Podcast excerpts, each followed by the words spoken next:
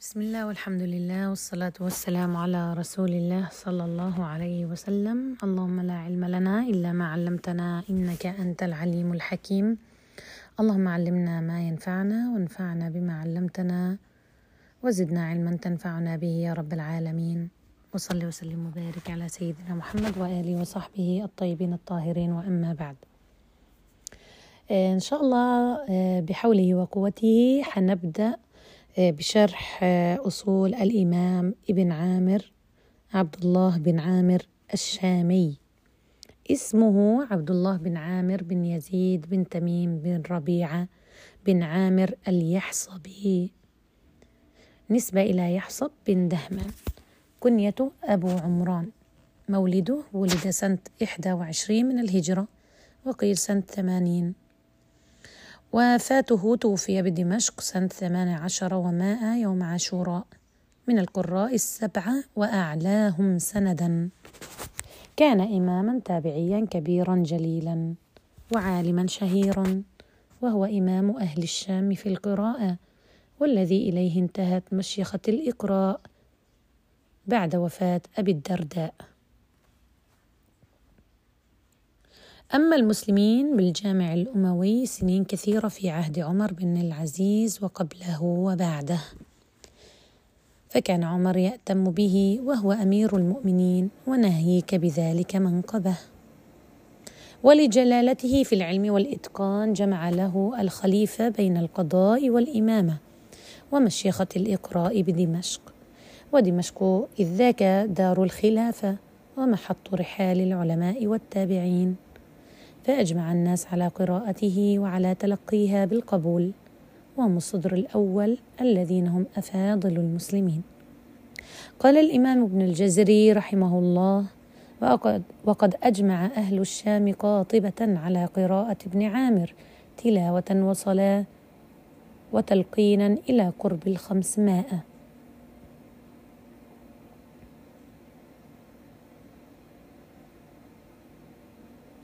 ثبت سماع القرآن والحديث عن جماعة من الصحابة منهم النعمان بن بشير ومعاوية بن أبي سفيان وفضالة بن عبيد رضي الله تعالى عنهم جميعا. قرأ على أبي الدرداء ويمر بن زيد بن قيس كما قطع به الحافظ أبو, أبو عمرو الداني.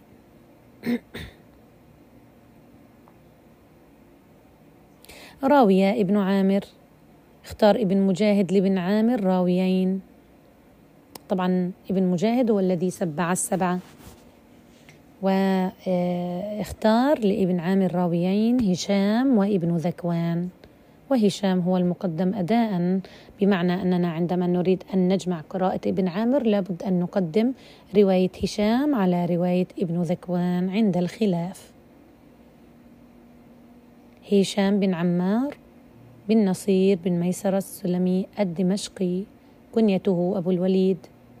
ولد سنة ثلاثة وخمسين ومائة. توفي سنة خمسة وأربعين ومائتين. وقيل سنة أربعة وأربعين. وهو إمام أهل دمشق وخطيبهم ومقرئهم ومحدثهم ومفتيهم مع الثقة والضبط والعدالة. قال الدار قطني صدوق كبير المحل وكان فصيحا علامة واسع الرواية.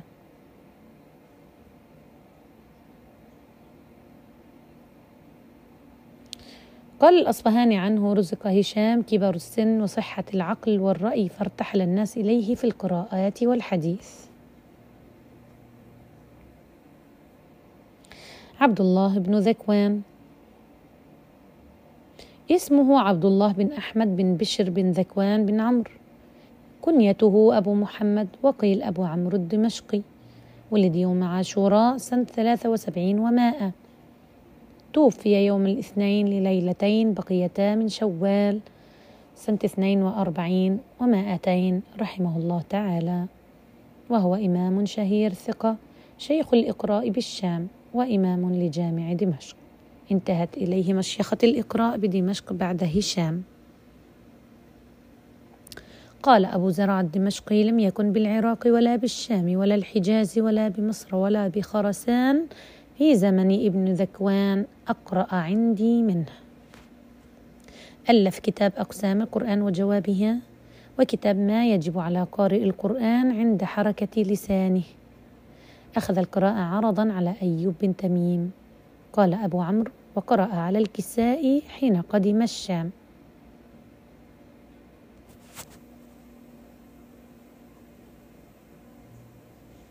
قال الشاطبي وأما دمشق الشام دار بن عامر فتلك بعبد الله طابت محللا. هشام وعبد الله وهو انتسابه لذكوان بالإسناد عنه تنقلا. أبو عمرهم واليحصبي بن عامر صريح وباقيهم أحاط به الولاء. واليحصبي نسبه إلى يحصب جد بن عامر أو إلى قبيلة يحصب في اليمن. معنى هذه الأبيات أن ابن عامر نسبهما خالص من الرق وولادة العجم بينما باقي الأئمة قد أحاط بهم الرق والولاء بأن مسهم آه، أو مس آباءهم. وهذا يبين فضل هؤلاء وجهادهم واجتهادهم في تحصيل علوم القرآن رغم هذه الظروف. باب الاستعاذة عند ابن عامر. معنى الاستعاذة طلب العوذ أي الامتناع بالحفظ والعصمة. حكم الاستعاذة. الاستعاذة واجبة لكل قارئ ومنهم ابن كثير في كل وقت وعند قراءة أي جزء من أجزاء القرآن. لفظ الاستعاذة يكون كما جاء في سورة النحل. أعوذ بالله من الشيطان الرجيم. ومن الجائز أن يزيد القارئ زيادة تعظيم وتنزيه لله تبارك وتعالى. فيجوز أن تقول أعوذ بالله العلي العظيم من الشيطان الرجيم أو أعوذ بالله السميع العليم من الشيطان الرجيم. بعض التنبيهات ما ورد من الأحاديث التي تدل على أن الرسول صلى الله عليه وسلم لم يزد على لفظ الاستعاذة مثل حديث ابن مسعود وجبير ابن مطعم. وهي أحاديث ضعيفة يقابلها أحاديث أصح منها سندا تدل على جواز الزيادة على لفظ الاستعاذة. في التعوذ أقوال كثيرة في أصول الفقه وأصول الحديث والقراءات. أما عن أصول القراءات فيبحث عن الجهر به والإخفاء والوقف عليه أو وصله بما بعده. التعوذ بين الجهر والإخفاء. مواطن إخفاء التعوذ. متى نخفي الاستعاذة؟ فيعني يقرأ بها سرا وتكون يعني لا تجب آه، وقتها. إذا كان القارئ يقرأ سرا فنخفي الاستعاذة. إذا كان القارئ خاليا يعني لوحده سواء قرأ سرا أو جهرا. إذا كان في الصلاة سرية أو جهرية. إذا كان يقرأ وسط جماعة ولم يكن هو المبتدئ بالقراءة. في غير هذه المواضع يستحب الجهر بالتعوذ. لا يعيد القارئ التعوذ إذا إذا قطع القراءة لأمر قهري أو لأمر يتعلق بالقراءة. ولكن إن قطعها إعراضا عنها يعني أغلق المصحف وتركها أو تكلم بغير القرآن بشيء لا يتعلق بالقراءة فيجب عليه أن يعيدها مرة أخرى. يعني لو كنت تقرأ وناداك أحد أولادك مثلا لأمر ما وتكلمت معه ثم شرعت في القراءة مرة أخرى فهل تعيد التعوذ أم لا؟ تعيد طبعا. أما لو كان في حلقه تعليم للتلاوة واستوقفك الشيخ لتعديل آه، آه، بعض القراءة لديك. فهنا لا يلزمك إعادة التعوذ مرة أخرى. باب البسملة. معنى البسملة هو مصدر منحوت من بسم الله. النحت معناه كلمة يعني بها تلخيص عنوان ما أو جملة ما مثل الحوقلة قول لا حول ولا قوة إلا بالله. الهلهلة قول لا إله إلا الله وهكذا. آه، أحكام البسملة عند ابن عامر. أثبت ابن عامر البسملة عند الابتداء في أي سورة؟ عدا سورة براءة يعني متفق القراء كلهم ألا آه، يقرأوا البسملة في سورة براءة. قال الشاطبي ولا بد منها في ابتدائك سورة سواها يعني سوى براءة. لأن أحكام البسملة بين السورتين قرأ ابن عامر بإثبات البسملة بين كل سورتين. يعني آه انتهيت من سورة تريد أن تبدأ بسورة أخرى فعليك بالبسملة. لأن آه السنة الصحيحة أثبتت أن الرسول صلى الله عليه وسلم كان لا يعلم انقضاء السورة حتى تنزل عليه بسم الله الرحمن الرحيم. وكذلك كتابة الصحابة لها في المصاحف العثمانية. قال, قال الشاطبي وبسمل بين السورتين بسنة رجال نموها درية وتحملا طبعا له الأوجه الثلاثة المشهورة قطع الجميع قطع الأول وصل البسملة بأول السورة الثانية وصل آه، الجميع وعندنا الرابع يكون عندنا ممتنع. يزيد له وجهان دون البسملة. إذا له وجهان دون البسملة. أنه يصل دون بسملة ويسكت دون بسملة. والمقدم طبعا عندنا هو السكت. حكم البسملة في أجزاء السور يعني أنت كنت في وسط السورة. أنه يكون عند ابن عامر جائز مثل جميع القراء. قال الشاطبي وفي الأجزاء خير من تلا يعني أنت مخير أي أن تأتي بها أو لا تأتي بها. الآن حكم الأربع الزهر. الأربع الزهر اللي هي ويل وويل لا ولا. اختار بعض أهل الأداء الفصل بالبسملة في مواضع أربعة من القرآن سماها الإمام الشاطبي بالأربع الزهر. سورة القيامة البلد المطففين والهمزة. طيب ما معنى الزهر؟ يعني من الإزهار وهو النور. يعني هذه السور لها نور يميزها عن غيرها من السور لابتداء اثنتين منها لا نقول لا ولا للحفظ وويل وويل. وهو ما ليس في غيرها من السور. فالقيامة مثلا بدأت بلا أقسم بيوم القيامة. والبلد بدأت لا أقسم بهذا البلد والمطففين ويل للمطففين. والهمزة بدأت ويل لكل همزة لمزة.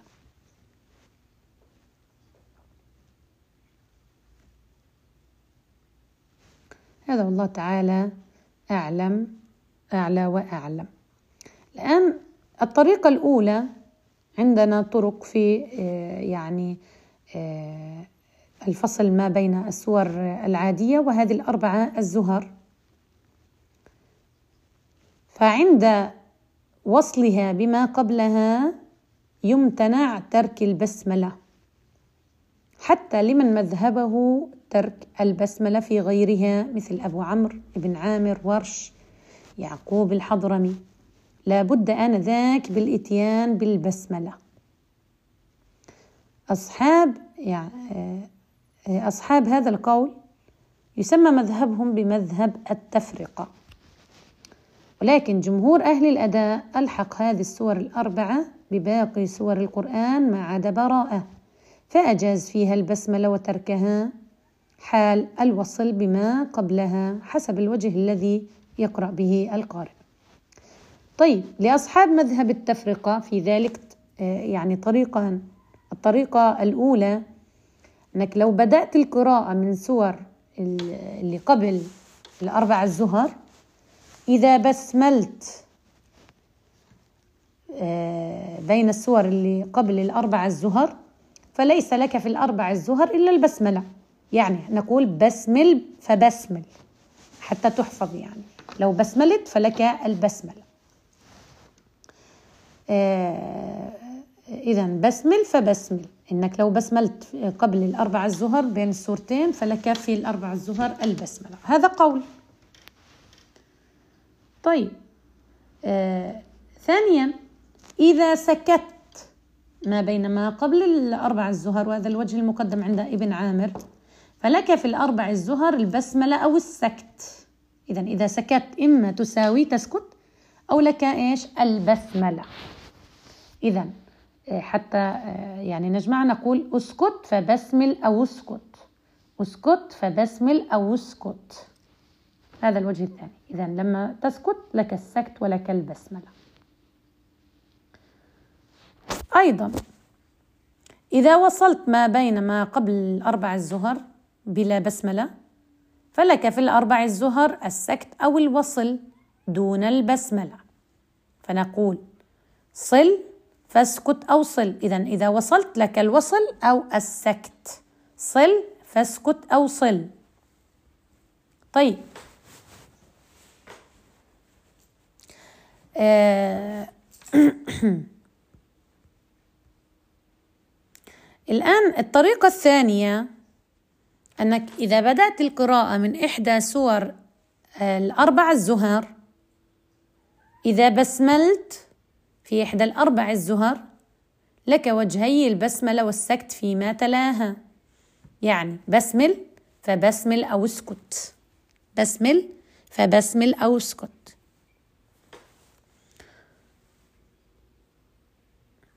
وإذا سكت في أحد الأربع الزهر فلك وجهي السكت والوصل فيما تلاها. في غيرها. إذا السكت في الأربع الزهر نقول اسكت. فاسكت أو صل. لك السكت أو الوصل في غيرها في غير الأربع الزهر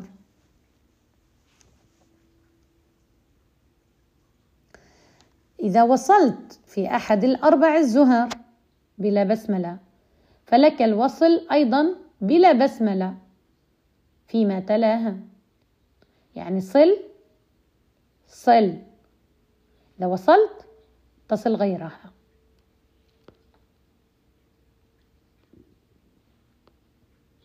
طبعا وصل بدون بسملة.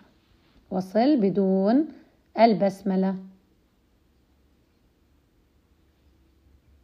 إلى هنا آه، ولنا عودات إن شاء الله. آه، سبحانك اللهم وبحمدك. نشهد أن لا إله إلا أنت. نستغفرك ونتوب إليك. السلام عليكم ورحمة الله وبركاته. بسم الله والحمد لله والصلاة والسلام على رسول الله صلى الله عليه وسلم. اللهم لا علم لنا إلا ما علمتنا إنك أنت العليم الحكيم. اللهم علمنا ما ينفعنا وانفعنا بما علمتنا وزدنا علما تنفعنا به يا رب العالمين. وصلي وسلم وبارك على سيدنا محمد وآله وصحبه الطيبين الطاهرين. وأما بعد. آه نكمل إن شاء الله بحول الله وقوته أصول الإمام ابن عامر. نبدأ بسورة أم القرآن وهي الفاتحة. طبعا البسملة ليست آية من أول الفاتحة في مصحف الإمام ابن عامر. قرأ ابن عامر لفظ مالك يوم الدين بحذف الألف ملك. ملك يوم الدين مثل أهل سمع قال الشاطبي رحمه الله آه، ومالك يوم الدين راويه ناصر. فرمز لمن قرأ بإثبات الألف بالرمزين الراء والنون وهما الكساء وعاصم. يعني مالك فقط الكساء وعاصم بينما آه، المسكوت عنهم البقية يقرؤون ملك. حجة الإمام ابن عامر ومن وافقوا على هذه القراءة آه، يعني قوله تعالى الملك القدوس وملك الناس فتعالى الله الملك الحق وحجة آه، يعني حجة أخرى أن كلمة ملك هي أشمل في معناها من كلمة مالك. فكل ملك هو مالك وليس كل مالك ملك. الرجل مثلا يملك داره وثوبه وغير ذلك لكن ليس شرط أن يكون ملكا. آه، كان أبو عمرو البصري يقول ملك تجمع مالكا ومالك لا يجمع ملكا. إذا العلاقة بين اللفظين علاقة العام والخاص. فملك لفظ عام شامل يحوي معنى لفظ مالك. لأن هاء الكناية هي الهاء الزائدة الدالة على المذكر الغائب. نخرج من ذلك ما دل على مؤنث تسمى الضمير ويخص منها الواقعة بعد ساكن وقبل آه، متحرك. لأنه كما تعلمون لهذا الضمير عندنا ثلاث حالات أو نقول أربع حالات. أن تقع قبل ساكن آه، مثل به الله عليه الله معه الملائكة. فهذه متفق على عدم صلتها عند الجمهور. تقع بين متحركين. كل آمن بالله وملائكته وكتبه ورسله. لا نفرق بين أحد من رسله. هذه متفق على صلتها للجمهور إلا ما استثني لبعض القراء. واقع بين متحركين. أن تقع بين بعد ساكن وقبل متحرك. فيه هدى للمتقين أو يخلد فيه مهانة. فيه مهانة هذه الوحيدة اللي وصلت حفص وابن كثير والبقية عندنا يقصرون. ضربوه ببعضها. فهذه يعني لا يصلها على الدوام إلا إبن كثير وشاركوا حفص في خلد فيه مهانة. ولكن شاركوا هشام في صلة موضعين اثنين فقط في القرآن كله واللفظ فيهما في كلمة أرجئه. أرجئه له الهمز والصلة فيها. هذه الكلمة من الكلمات اللي خالف فيها ابن عامر حفص كلمة أرجه اللي وردت عندنا في موضعي الأعراف. قالوا أرجه وأخاه والشعراء أيضا. هذه الكلمة اتفق فيها راويا ابن عامر وقفا واختلفا وصلا حيث يقرآن بالهمز الساكن بعد الجيم. همز ساكن بعد الجيم. أرجئه وأخاه. وهشام يحرك الهاء بالضم أرجئه ويصلها بواو مدية تمد مقدار حركتين مثل طبعا ابن كثير.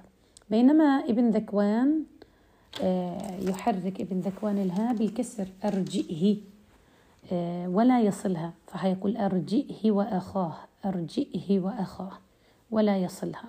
بل نقول يقصرها يقصرها بمعنى أنه لا يمدها. وهذه القراءة طبعا مميزة لابن ذكوان وحده وهذا انفرادة هو الوحيد اللي يكسر.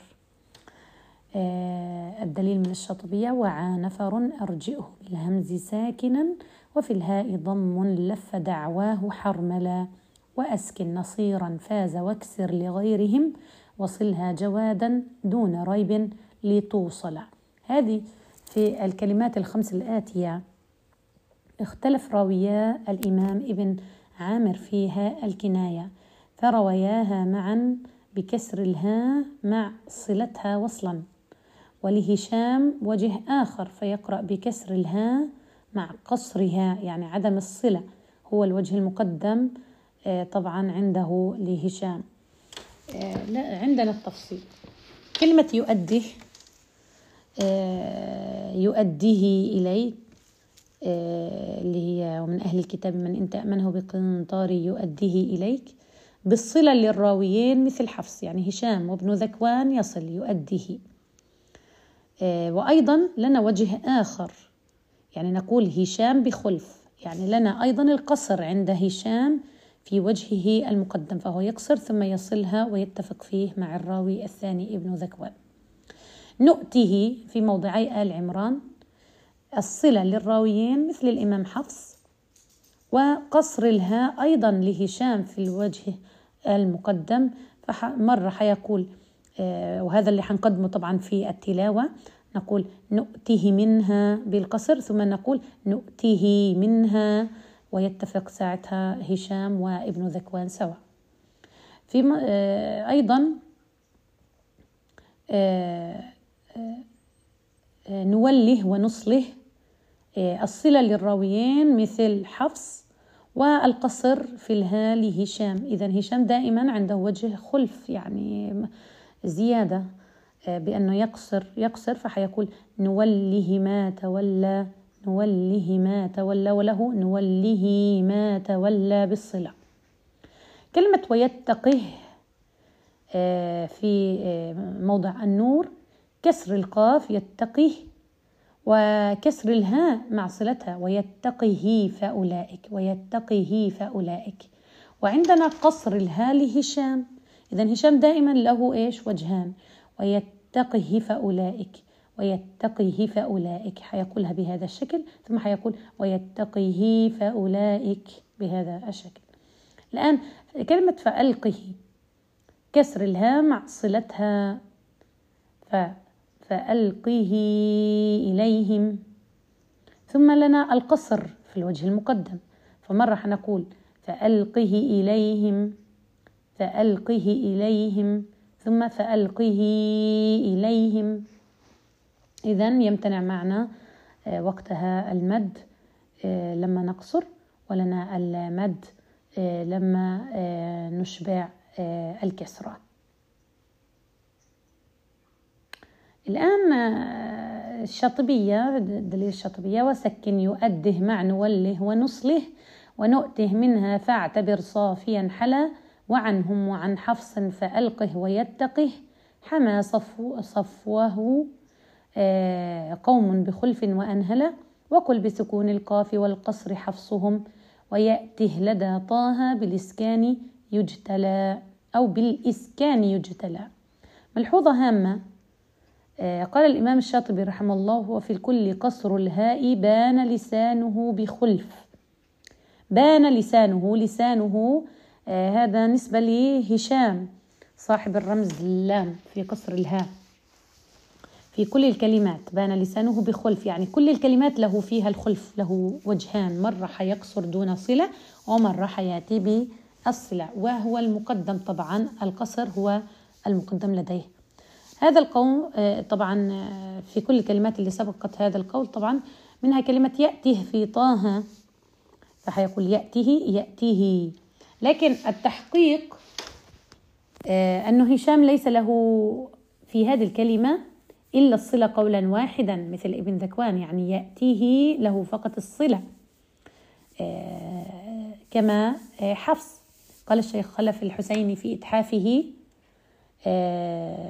لأحمد والبصري ويأته أتمما فقط عن هشام فدر هذا لتجملا روى الإمام ابن عامر قصر الهاء بلا صلة حسب القاعدة. وخالف الإمام حفص في كلمة فيه مهانة في موضع الفرقان لأن الوحيد اللي يصلها هو ابن كثير وحفص. فإذا القصر فحيقول فيه مهانة فيه مهانة بهذا الشكل.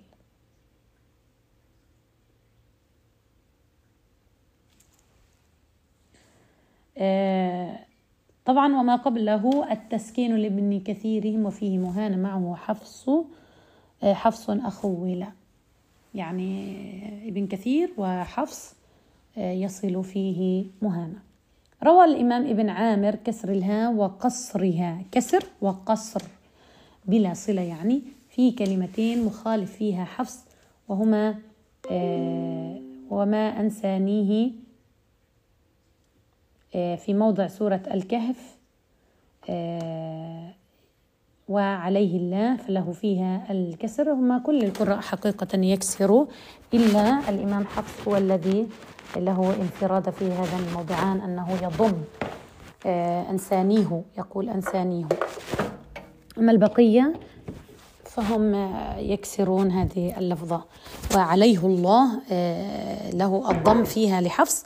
وابن عامر عليه الله ويترتب عليها ترقيق لفظ الجلالة بكسر عليه. هذا والله تعالى آه، أعلم.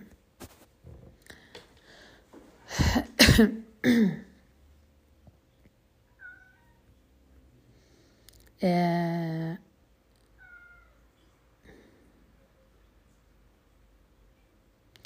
طبعا عندنا يعني ملاحظة هامة يجب أن ننتبه إليها. لابد من الإشارة أنه هال الكناية اللي يصلها الإمام ابن عامر بواو أو ياء مادية هي زائدة على لام الفعل وليست أصلية. وإذا أتت الهاء وهي لام الفعل فحتى إن تحرك ما قبلها فلا خلاف في ترك صلتها لأنها من نفس الكلمة. مثلا ما نفقه كثيرا. نفقة. هذه أصلية وليست زيادة. إذا آه، فلا نصلها. وفواكه كثيرة. فواكه هذه الهاء من بنية الكلمة وليست زائدة. الأصل أنه الهاء اللي توصل هي التي تكون زائدة. يعني أنا لو شلتها لن يختل معايا آه، المعنى. يعني وعندنا يعني أيضا آه، أمثلة كثيرة يعني في القرآن. هذا والله تعالى أعلم. نقف إن شاء الله إلى هنا. سبحانك اللهم وبحمدك. نشهد أن لا إله إلا أنت. آه، نستغفرك ونتوب إليك. السلام عليكم ورحمة الله وبركاته. بسم الله والحمد لله والصلاة والسلام على رسول الله صلى الله عليه وسلم. اللهم لا علم لنا إلا ما علمتنا.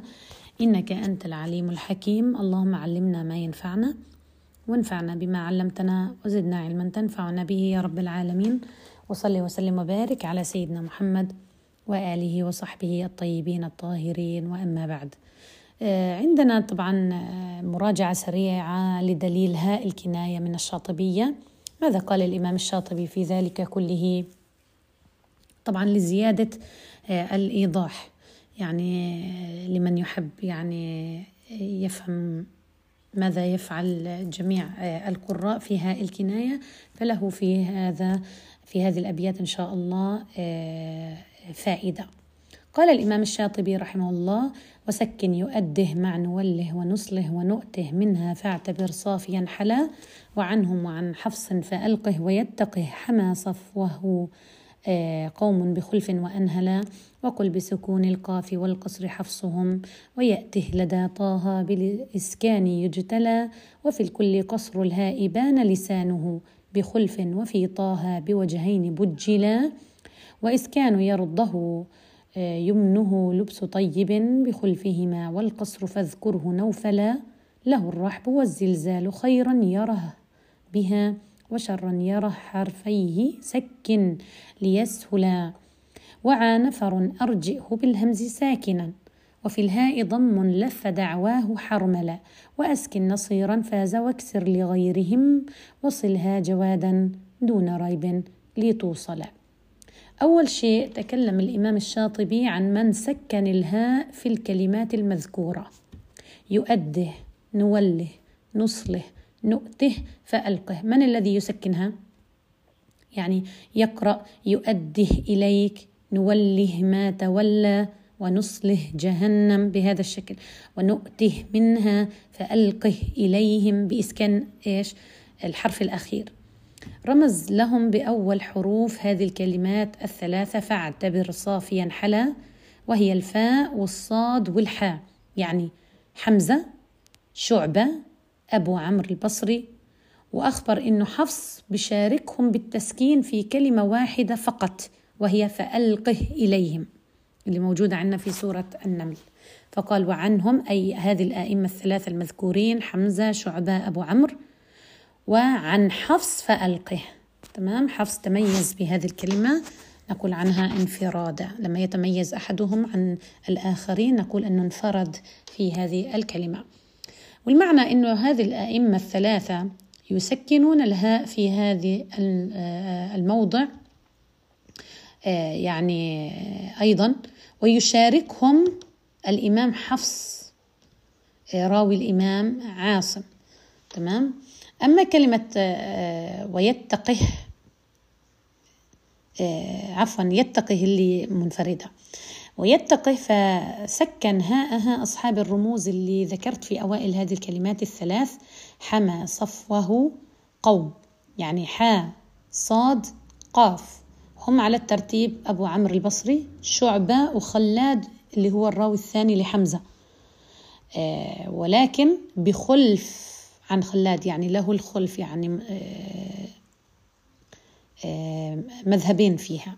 حيث ذكر لفظ بخلف بعد رمز خلاد مباشرة مما يعني عودة هذا الحكم الخلف يعني على آخر مذكور هو يعني خلاد. فخلاد يقرأ بمذهبين أو طريقتين فله الإسكان والكسر مع الصلة يسكن فحيقول ويتقه بإسكان الهاء ثم آه، يكسر مع الصلة يتقه ف يتقه فأولئك ثم ذكر مذهب حفص في القاف. هو الوحيد اللي ينفرد. هذه الكلمة هي اللي بنفرد فيها حفص وليس السابقة. آه، بقوله وقل بسكون القاف والقصر حفصهم هو الوحيد اللي يسكن آه، القاف. يقرأ بسكون القاف وكسر الهاء ويتقه فأولئك يتقه فأولئك يقولها بهذا آه، الشكل. بعد ذلك يعني ذكر مذهب السوسي. ابن كثير هذا يعني راوي ابن كثير. راوي عفوا راوي أبو عمرو. يعني صاحب الرمز يا السوسي في إسكانها آه، كلمة ومن يأتيه. ومن يأتيه في سورة طه يأتيه حيث يقرأ ومن ومن يأته بإسكان الهاء إذا السوسي وهو آه، آه، راوي أبو عمرو الأول. فرمز يا وهو الذي يسكن كلمة يأتها يأته آه، بعد ذلك ذكر مذهب قالون وهشام. هشام اللي هو الراوي الأول لابن عامر. في كل الكلمات السابقة قالون هشام اللي هي يؤده نوله نصله نؤته فألقه يتقه يأته. بقوله وفي الكل قصر الهاء بان لسانه بخلف. يعني أن هشام آه، له وجهان يقصر ويصل. آه، وهو يشابه قالون في الوصل طبعا قالون له الصلة. آه، أي أن قالون وهشام يقرؤون بكسر الهاء وقصرها عدم الصلة. ولكن أثبت الخلف لهشام يعني كسر عفوا أنه يكسر وإيش؟ يصل. فالوصل هذا فقط لهشام وقالون له نقول القصر وليس وليس الصلة. قصر آه، دون صلة. كسر وقصر.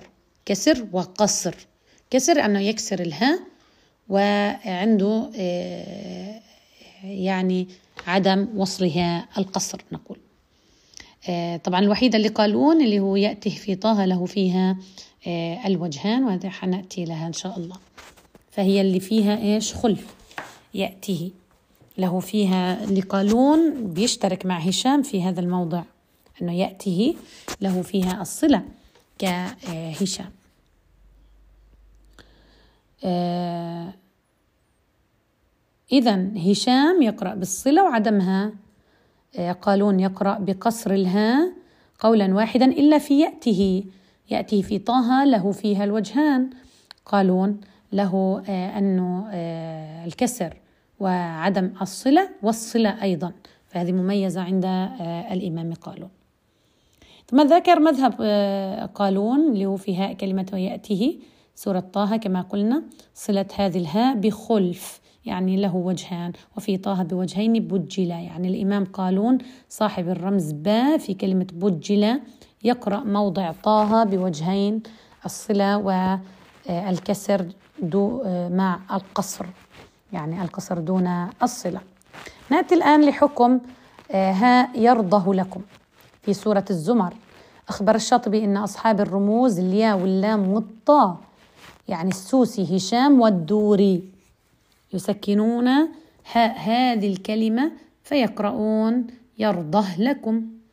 وفصل بين راويي الإمام أبي عمرو الدوري والسوسي حتى يخبر أن هذا الحكم بخلف عن الدوري وكذلك الحال عند هشام فقال بعد رمزيهما لبس طيب آه، طيب بخلفهما أي أن هشام والدوري يقرؤون هذه الهاء بوجهين. الإسكان مثل السوسي وبالصلة. يعني آه، حيقول آه، يقرأ بوجهين الإسكان يعني يرضه لكم يرضه لكم. إسكان يرضه لكم وبالصلة يرضه لكم. ثم ذكر مذهب من قصر هذه الهاء يعني كسرها وقصرها. أصحاب الرموز الفاء النون اللام والهمزة. حمزة عاصم هشام ونافع حمزة عاصم هشام ونافع نافع يعني قالون وورش كلاهما. ذكر رموزهم بعد حكم القصر. قال والقصر فاذكره نوفلا له الرحب فيقرؤون هكذا. وإن السلام عليكم ورحمة الله وبركاته. آه يعني فصل معي الصوت. وصلنا آه قلنا ذكر مذهب من قصر هذه الهاء آه أي من كسرها وقصر وقصرها. أصحاب الرموز فا النون اللام والهمزة الفاء حمزة نون عاصم اللام هشام والهمزة لنافع نافع يعني ورش وقالون ذكر رموزهم بعد حكم القصر. والقصر فاذكره نوفلا له الرحب فيقرؤون هكذا وإن تشكروا يرضه لكم يرضه لكم بإيش؟ بأنه آه، قصر قصرها.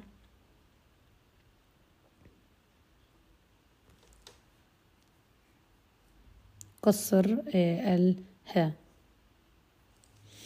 ثم انتقل الشاطبي لحكم كلمة أرجه وأخاه اللي وردت عنا في سورة الأعراف والشعراء. وقسم الأحكام المتعلقة بهذه الكلمة إلى ثلاثة أقسام حتى يسهل علينا معرفة وضبط هذا الحكم للقراء السبعة.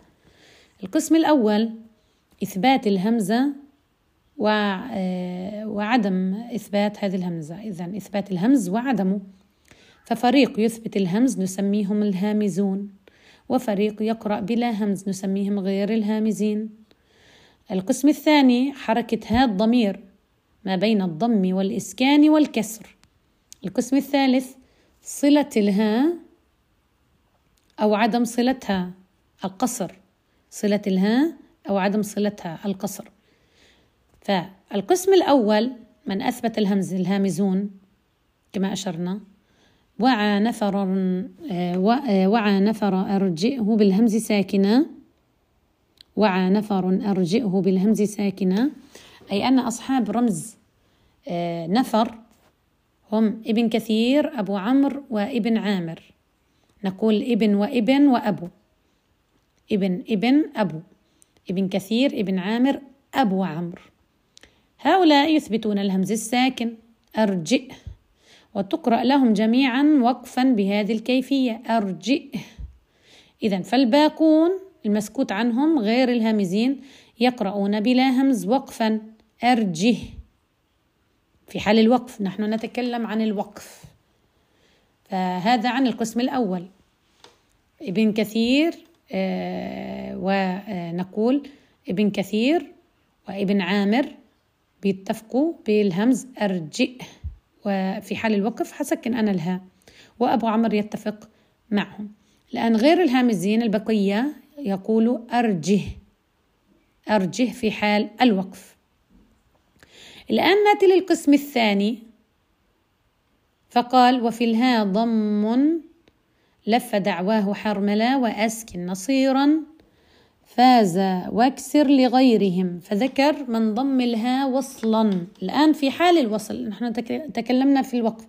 الآن في حال الوصل وفي الهاء ضم لف دعواه حرملا يعني لف اللام دعواه الدال حرمل الحاء هشام ابن كثير أبو عمرو. يقرؤون في حال الوصل أرجئه. ولماذا نطقناها بالهمز؟ لأن الأئمة الثلاثة من الهامزين. إذا أرجئه أرجئه. إذا ضموا الهاء مع الهمز. ثم ذكر مذهب من أسكن الهاء وصلا بقوله وأسكن نصيرا فاز آه اللي هي فاز واكسر لغيرهم. أسكن نصيرا فاز. هم صاحبي الرمزين النون والفاء. نصيرا وفاز.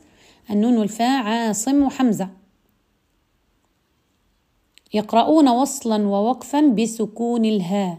أرجه. وأخاه حيقول أرجه وأخاه. إذا عاصم وحمزة يقرؤون وصلا ووقفا بسكون الهاء بالنون والفاء ولما لماذا نطقناها بدون همز؟ لأن الإمامين من غير الهامزين. بعد ذلك ذكر مذهب الباقين اللي انسكت عنهم يعني الباقية نافع ابن ذكوان والكسائي. كسر الها وصلا بقوله واكسر لغيرهم. أرجه أرجه لنافع والكسائي هم من غير الهامزين. وأرجئه لابن ذكوان لأنه من الهامزين. أرجئه بهذا الشكل. ثم تكلم عن آخر قسم وهو صلة هذه الها وصلا سواء بواو مادية لمن ضم الها وصلا؟ أو يا مادية لمن كسرها وصلا؟ وصلها جوادا دون ريب لتوصل يعني الذين يصلون هذه الهاء أصحاب الرموز الجيم والدال والراء واللام. ورش ابن كثير الكسائي هشام. هم من يقرؤون وصلا؟ قالوا أرجه وأخاه. فورش الكسائي من غير الهامزين. قالوا أرجئه وأخاه لابن كثير وهشام لأنهم من الهامزين. إذا في حال الوصل حيهمزوا حيصلوا. طيب ورش الكسائي حيكسروا حيصلوا. ودون همزة طبعا. إذا خلاصة القول للقراء السبعة.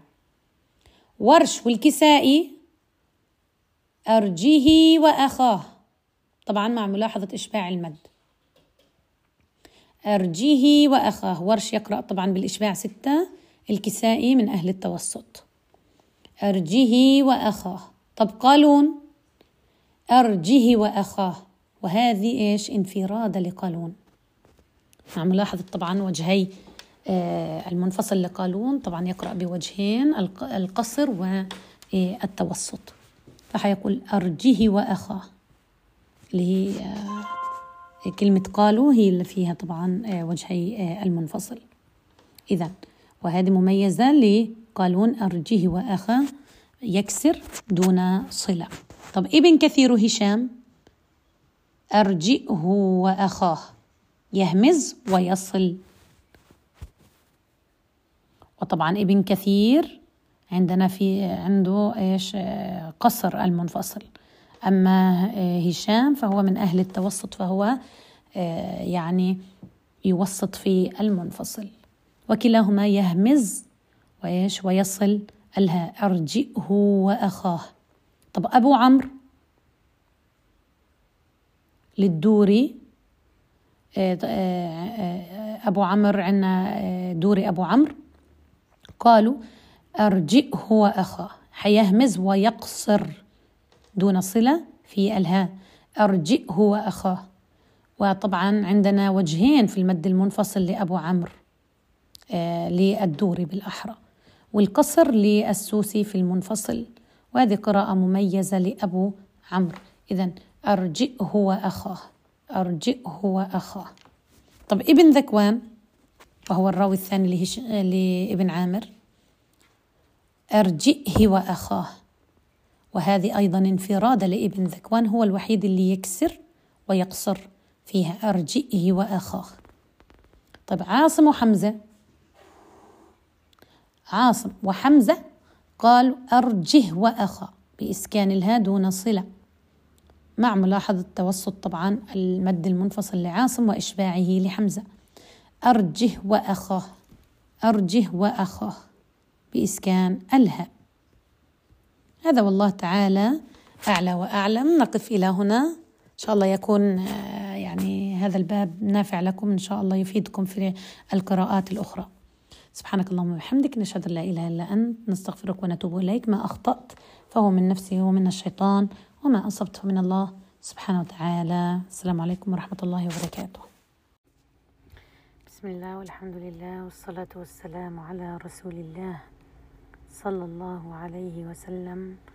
اللهم لا علم لنا إلا ما علمتنا إنك أنت العليم الحكيم. اللهم علمنا ما ينفعنا وانفعنا بما علمتنا وزدنا علما تنفعنا به يا رب العالمين. وصل وسلم وبارك على سيدنا محمد وآله وصحبه الطيبين الطاهرين وأما بعد. وصلنا بحول الله وقوته إلى باب المد والقصر. عند الإمام ابن عامر. آه المد آه هو أن تأتي بحرف آه أو نقول المد يعني لغة الزيادة أو الطول. فأما اصطلاحا الزيادة في نطق حرف المد عن طبيعته يعني عن اثنان. وذلك إذا كان بعد حرف المد همز أو سكون فوجب علينا المد. ممكن أن يأتي هذا المد إما في نفس الكلمة يعني يأتي حرف مد الألف أو الواو أو الياء آه وبعده آه همزة في نفس الكلمة ويسمى الواجب المتصل لوجوب مده آه أكثر من حركتان عند جميع القراء. ثم هناك آه المد آه المنفصل وهو أن يأتي في نهاية الكلمة الأولى حرف مد وفي بداية الكلمة الموالية همزة. إذا انفصل عندنا حرف المد عن الهمزة. في كلمتان فنقول عنه أنه جائز منفصل لجواز قصره عند بعض القراء. فالمد المتصل عند الإمام آه، ابن عامر يمد بالتوسط أربع حركات وجها واحدا وكذا المد المنفصل. ونقول أن ابن عامر ابن عامر هو من أصحاب التوسط. وأصحاب التوسط هم عاصم آه، الكسائي خلف العاشر وطبعا معنا الإمام الذي نتكلم بأصوله وهو الإمام ابن عامر. فإذا آه، آه، هؤلاء هم أصحاب التوسط.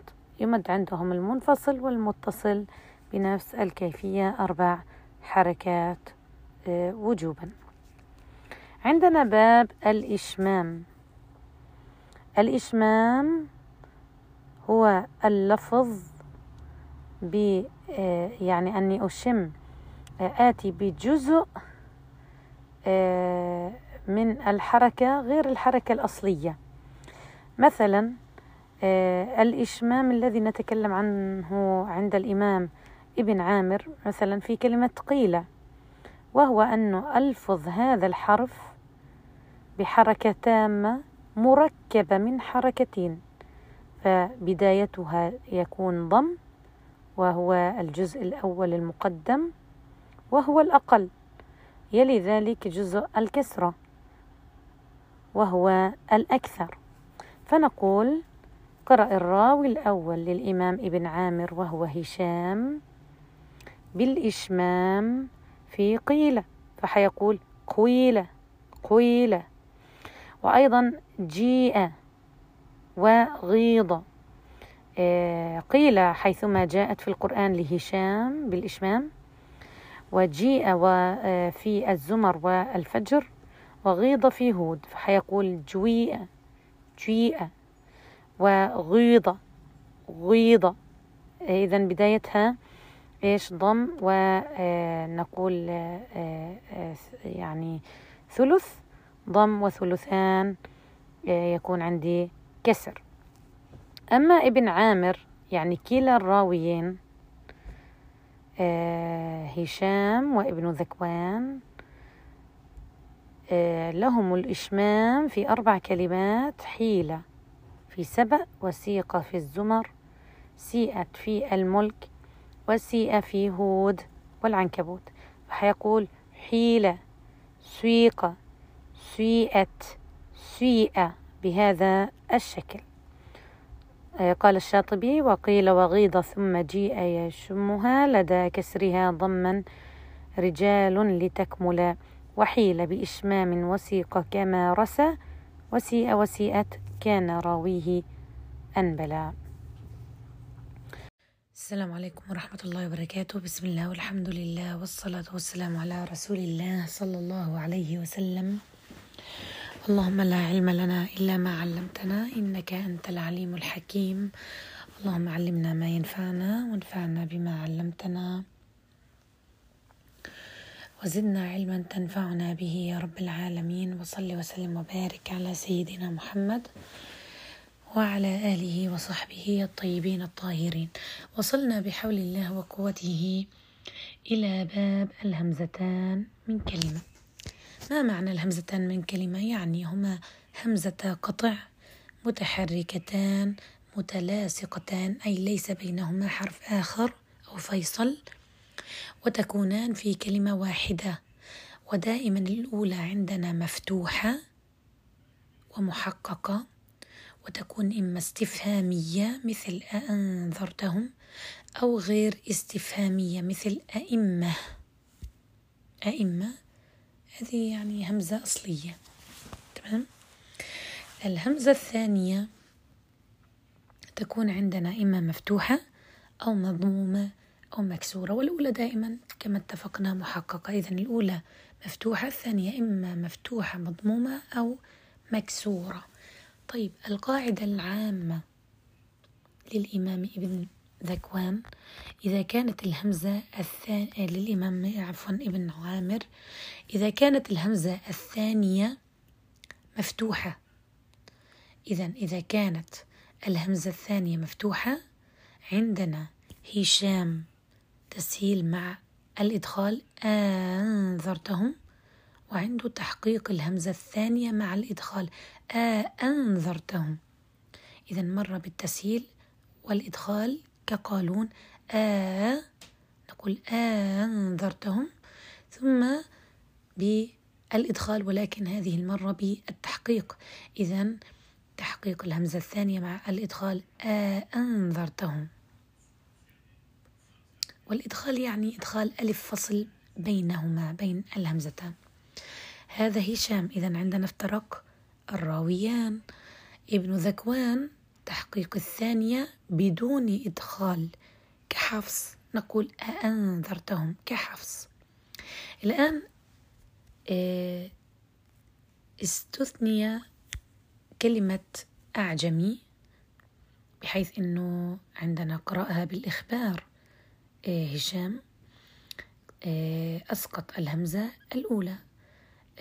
تعلمون أن الإمام حفص أعجم أعجمي عفوا بالتسهيل دون الإدخال.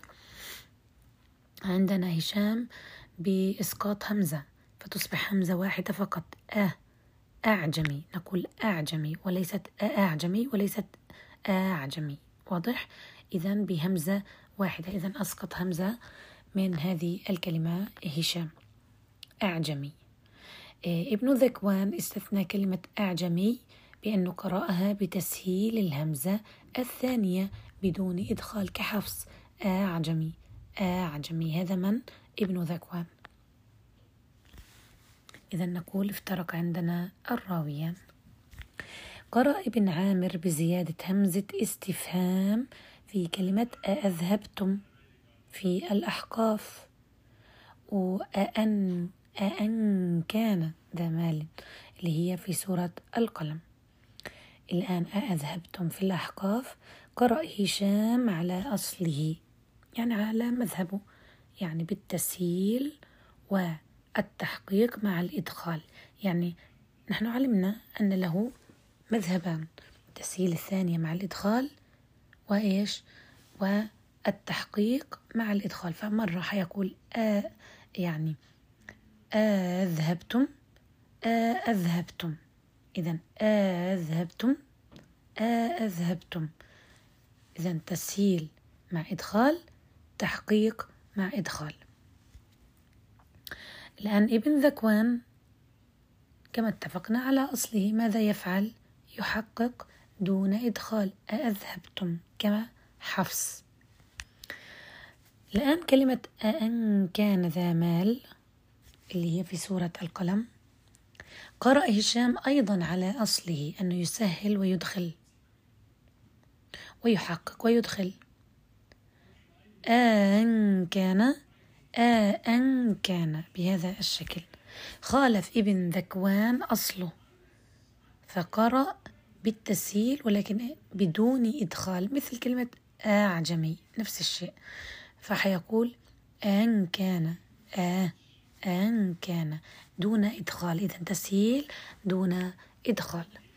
الآن كلمة أآمنتم طه الأعراف والشعراء وهذه دائما من الأصول. يعني حتلاقوا آه، كل مرة حنذكر هذه الكلمة لأنه يختلف القراء فيها. فكلمة أآمنتم طه الأعراف والشعراء موجودة يعني في هذه الثلاث سور هذه الكلمة. ابن عامر كله يعني اتفق الراويان. لما نذكر القارئ وكأنه الأب وله ابنان. لما نذكر القارئ إذا اتفقوا. لما نحدد واحد من الراويان إذا اختلفوا. واضح؟ قرأ ابن عامر بتسهيل الهمزة الثانية بدون إدخال. آمنتم. آ آمنتم. طه الأعراف والشعراء. إذا تسهيل الهمزة الثانية بدون إدخال ابن عامر كله. آه طيب. الآن إذا هذا بالنسبة للمفتوحتان. الآن مفتوحة مكسورة. هشام تحقيق مع إدخال آئي. وتحقيق دون إدخال آئي. تمام؟ آه مثلا آ إنكم تحقيق مع إدخال آئي. آ إنكم. إذا ليس فيها تسهيل ويحقق دون إدخال آ إنكم. إذا وجهان هشام. ابن ذكوان الآن تحقيق بدون إدخال. مثلا أئنكم أئن أئنك واضح. إذا عندنا بعض الاستثناءات لهشام. أن له التحقيق مع الإدخال فقط في بعض المواضع. التالية في هذه المواضع التالية اللي هي يعني التحقيق قلنا مع الإدخال آ إنكم حيدخل ألف فصل. آ إنكم الأعراف واحد وثمانين والأعراف مئة وثلاثة عشر.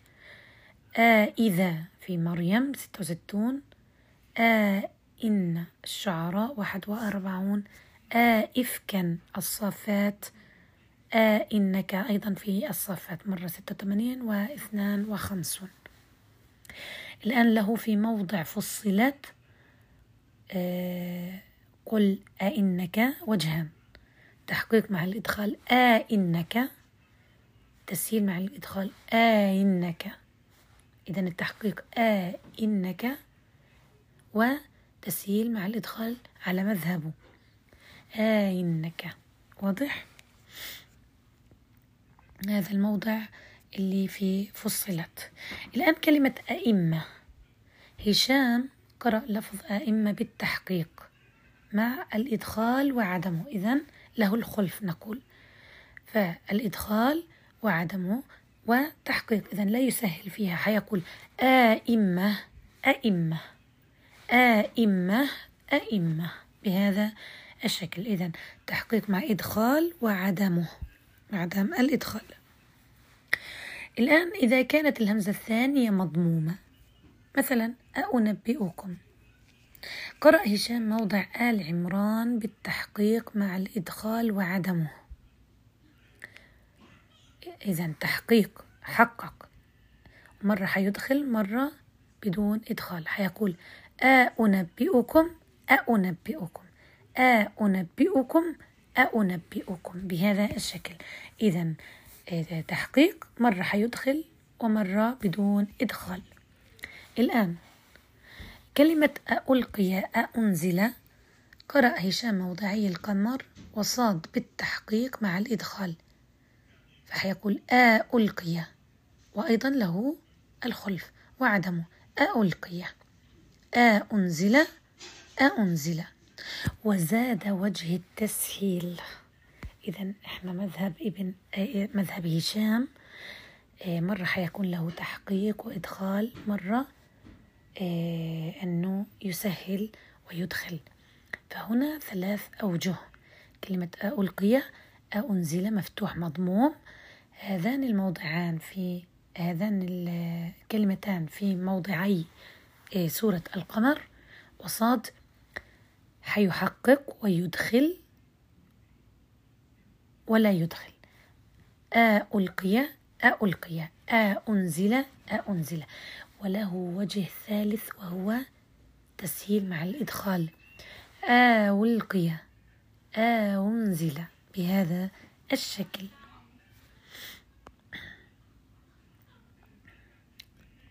هذا بالنسبة لهذا الباب نزيد عليه الاستفهام المكرر في القرآن. لأن الاستفهام المكرر تعرف أنه يتكرر عندي الاستفهام في سياق قرآني واحد وحتجتمع معي همزة استفهام بهمزة منقطع من ذوات الكسر. وهو أحد عشر موضع في تسع سور. مثل وقالوا يعني الأولى حيكون فيها استفهام. مثلا أإذا كنا عظاما ورفاتا أئنا لمبعوثون خلقا جديدا. مثل هذا هو يعني أسلوب نقول عنه استفهام مكرر. يعني أإذا أئنا واضح؟ إذا استفهام. الآن ما هو مذهب ابن عامر؟ مذهب ابن عامر أنه يخبر في الموضع الأول ويستفهم في الثاني. يعني يقول قالوا إذا متنا. طبعا حيضم متنا كشعبة. إذا متنا وكنا ترابا وعظاما أئنا لمبعوثون. وكلمة أئنا حتلاحظون أنها همزتان. ماذا له بالهمزتان؟ هشام له الإدخال قولا واحدا. وابن ذكوان له التحقيق بدون الإدخال. إذا الإدخال قولا واحدا. آئن آئن وابن ذكوان تحقيق بدون إدخال أئن تمام؟ الآن عندنا بعض الاستفهامات اللي هي في النمل آه و آه النازعات. استفهم ابن عامر إحنا دائما قلنا أنه مذهبه يخبر ويستفهم. يخبر يعني بهمزة واحدة إذا كنا. ويستفهم آ إن أئن واضح؟ مرة هشام مرة ابن ذكوان.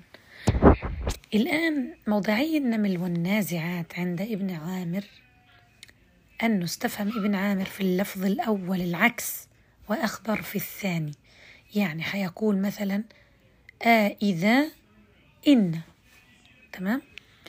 وعندنا استفهم في اللفظ الأول والثاني في سورة الواقعة. إذا استفهام استفهم استفهم. وقال الذين كفروا أإذا كنا ترابا وآباؤنا آه إحنا قلنا ماذا؟ استفهم في اللفظ الأول والثاني. إذا آه، آه، استفهم استفهم. عندنا في الواقعة آه، وكانوا يقولون إذا متنا وكنا ترابا وعظاما إنا لمبعوثون. سورة الواقعة. يعني على طبعا على مذهبه بأنه هشام له الإدخال قولا واحدا. حنقول إذا إن مع التحقيق طبعا. وابن ذكوان تحقيق أإذا أئن يعني هذا مذهبه آه، ابن عامر في آه، الاستفهام المكرر. الآن استفهم في اللفظ الأول وقلنا والثاني استفهم استفهم في الواقع. الآن بالنسبة لسورة النمل أيضا وقال الذين كفروا أإذا كنا ترابا وآباؤنا إننا لمخرجون. إننا. إذا استفهم أخبر. العكس استفهم أخبر كما قلنا النمل والنازعات استفهم أخبر بينما الواقع استفهم استفهم. ومذهبه في الباقي أنه يخبر ويستفهم. تمام؟ يخبر ويستفهم. ودائما هشام له الإدخال تحقيق إدخال قولا واحدا وابن ذكوان تحقيق بدون إدخال.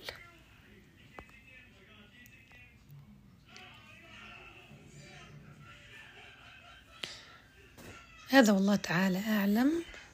أه سبحانك اللهم وبحمدك نشهد أن لا إله إلا أنت نستغفرك ونتوب إليك. السلام عليكم ورحمة الله وبركاته. بسم الله والحمد لله والصلاة والسلام على رسول الله صلى الله عليه وسلم. اللهم لا علم لنا إلا ما علمتنا إنك أنت العليم الحكيم. اللهم علمنا ما ينفعنا وانفعنا بما علمتنا وزدنا علما تنفعنا به يا رب العالمين. وصلي وسلم وبارك على سيدنا محمد وعلى آله وصحبه الطيبين الطاهرين. وأما بعد وصلنا بحول الله وقوته إلى باب الهمزتان من كلمتان. نقول الهمزتان من كلمتان هما همزتان آه لا يفصل بينهما فيصل آه آه يعني تكون الأولى في نهاية الكلمة الأولى. وفي بداية الكلمة الثانية تكون الهمزة الثانية. لا يفصل بينهما أي حرف آخر. تكونان متتابعتان متلاصقتان.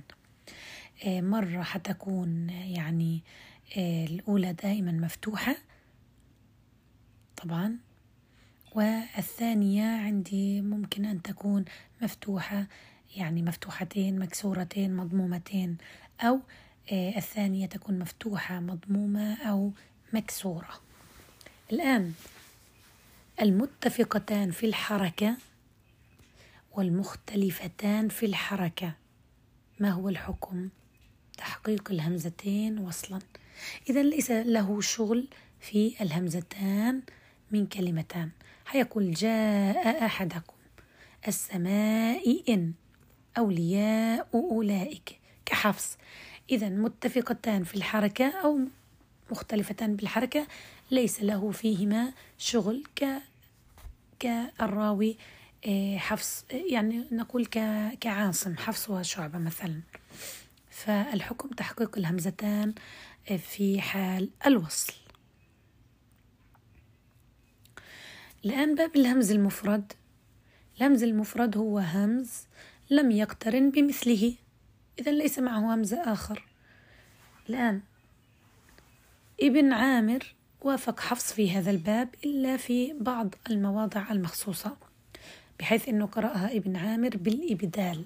أبدل في يعني كم موضع مواضع بسيطة. مثلا يضاهئون يضاهون. سأل سأل يشبه شوي قالون من سأته من ساته يأجوج ياجوج مأجوج. ماجوج. آه الآن في مواضع همزها العكس لم يبدل همزها. إحنا اللي قرأناهم الآن أنه أبدل في هذه المواضع المخصوصة. لكن في مواضع ليست مهموزة مثلا عند حفص لكنه همزها مثل مرجعون يشبه شعبة في هذا الباب. آه البريئة كالإمام نافع. آه نافع يعني ورش وقالون. آه ترجئ. إذا ترجئ مرجعون بالهمز البريئة بالهمز. يعني في هذا الباب سهل إن شاء الله. بالنسبة لباب الإظهار والإدغام عندنا هنا الشغل باب الإظهار والإدغام. الآن تعريف الإدغام عندنا هو إدخال حرف ساكن بآخر متحرك بحيث يصيران يعني حرفا واحدا مشددا. ونقول أنه أو يصيران كالثاني مشدد. يصيران كالثاني مشدد. وينقسم عندنا إلى صغير وكبير. صغير يعني الأول ساكن الثاني متحرك. كبير يعني كلاهما متحرك. واضح؟ يجب أن يكون عندنا هذه القاعدة الثابتة. يعني معرفة ما هو الإدغام الصغير وما هو الكبير. الآن إدغام الذا ذال إذ. نقول ذال إذ. أدغم ابن عامر ذال إذ في مثيلتها. مثلا إذ ذهب. ذال في ذال. مثيلتها. يعني متفقة نفس المخرج نفس الصفات. يعني آه، نفس الحرف. نفس الحرف. ذال في ذال. إذ ذهب. فحيقول إذ ذهب. آه، أيضا آه، أدغم في المتجانس منه. الذال مع الظا. الظلم. الظلم بهذا الشكل. وأيضا في الدال إذ دخلوا حيقول إذ ده ولا, ولا يقول إذ. ذا إذ دخلوا لا إذ دخلوا يدخل على الدال مباشرة. هذا ابن عامر يعني الراويان كلاهما. الآن هشام لوحده. ذا الإذ في حروف الصفير. ما هي حروف الصفير؟ الصاد والزاي والسين على التوالي. إذ زين إذ زاغت يشبه حمزة في هذا الباب. إذ زين إذ زاغت إذ سمعتموه تمام؟ وأيضا أدغم في الجيم. إذ جعلنا إذ جعلنا إذا لا أقول إذ زين لا أقول إذ إذ زين إذ زاغت إذ صرفنا آه، إذ صرفنا عفوا إذ صرفنا آه، إذ سمعتموه آه إذ جعلنا بهذا الشكل. هذا من؟ هشام وحده. عندنا طبعا الباب الشهير. نعم إذ تمشت زينب صال دلها. سمي جمال واصلا من توصل فإظهارها أجري دوام نسيمها. وأظهر آه، رؤيا قوله واصف جلا والدغم والدغم أو والدغم ضنكا واصل توم دره وأدغم مولى وجد وجده دائم دائم ولا. إذا إدغام دال قد دال قد أدغم ابن عامر يعني الراويين كله. أدغم دال قد في مثيلتها يعني دال بدال وقد دخلوا. وفي المتن وفي المتجانس. هذا غالبا أغلب القراء. آه قد تبين. آه الآن هشام لوحده. أدغم هشام دال قد في حروفها الثمانية. السين قد سمع الذال قد ذرأنا الضاد فقد ضل الظاء فقد ظلم ولقد زينا اللي هي إزاي الجيم ولقد جاءكم الصاد ولقد صبحهم الشين قد شغفها ابن ذكوان أدغم بالحروف الثمانية عنده على ثلاث أقسام أظهر ابن ذكوان بلا خلاف عند السين والصاد والجيم والشين. أدغم بلا خلاف عند الضاد والظا والذال. أدغم بخلف يعني له وجهان عند الزاي. يعني لما نقرأ حنقرأ بالوجهان. مرة حندغم مرة حنظهر. وحنقدم دائما الراوي الأول بالرتبة وهو هشام. تمام؟ يعني لو قرأت حقول مثلا آه ولقد زينا. ثم حقول ولقد زينا. ولقد زينا. إذا مرة حأدغم وحيتفق الراويان. ثم ح عفوا حأظهر وهذا انفراء وهذا يعني لابن ذكوان. تمام؟ بهذا الشكل. الآن تاء التأنيث. أدغم ابن عامر تاء التأنيث في مثلة تاء ربحت تجارتهم لماذا ندغم في مثيلتها؟ لأنه صعب يعني أني أدخل إلى المخرج يعني أدخل ربحت تجاه ربحت تجاه لاحظوا الكلفة أني أدخل على المخرج وأخرج يعني وأبتعد لأنه يلزم إطباق عضوي النطق. ثم أبتعد ثم أرجع مرة ثانية ثم أبتعد. فهذا فيه كلفة. فالعرب كانت بطبيعتهم أنه يدغموا إيه، وهذا للتخفيف. تمام للتخفيف. إذا الإدغام بمثيلتها الحرف مع الحرف المثيل له إيه، نفس المخرج نفس الصفات ربحت تجارة فيدغمون. ثم في المتجانس آه مثلا أثقل الدعوة. المتجانس يعني اتفقا مخرجا واختلفا صفة. يعني التاء مع الدال والطاء هما نفس المخرج لكن الصفات مختلفة. أثقل الدعوة هم الطاء هم الطائفتان بهذا الشكل وهذا غالبا للجميع يعني لجميع القراء. غالبا. آه، أدغم ابن عامر تاء التأنيث في الثاء مثل كذب الثمود كذب الث بهذا الشكل. الظا كان الظالمة كان الظالمة.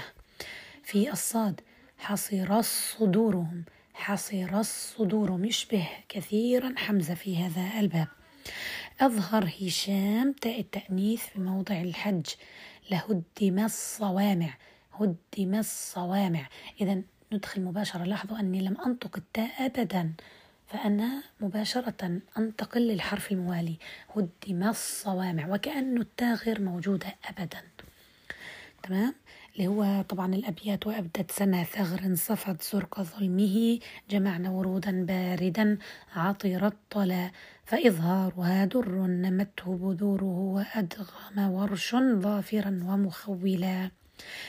آه، وأظهر كهف وافر سيب جوده زكي وفي عسرة ومحللا وأظهر راويه هشام لهدمت وفي وجبت خلف ابن ذكوان يفتلى يعني وجبت جنوبهم له الخلف.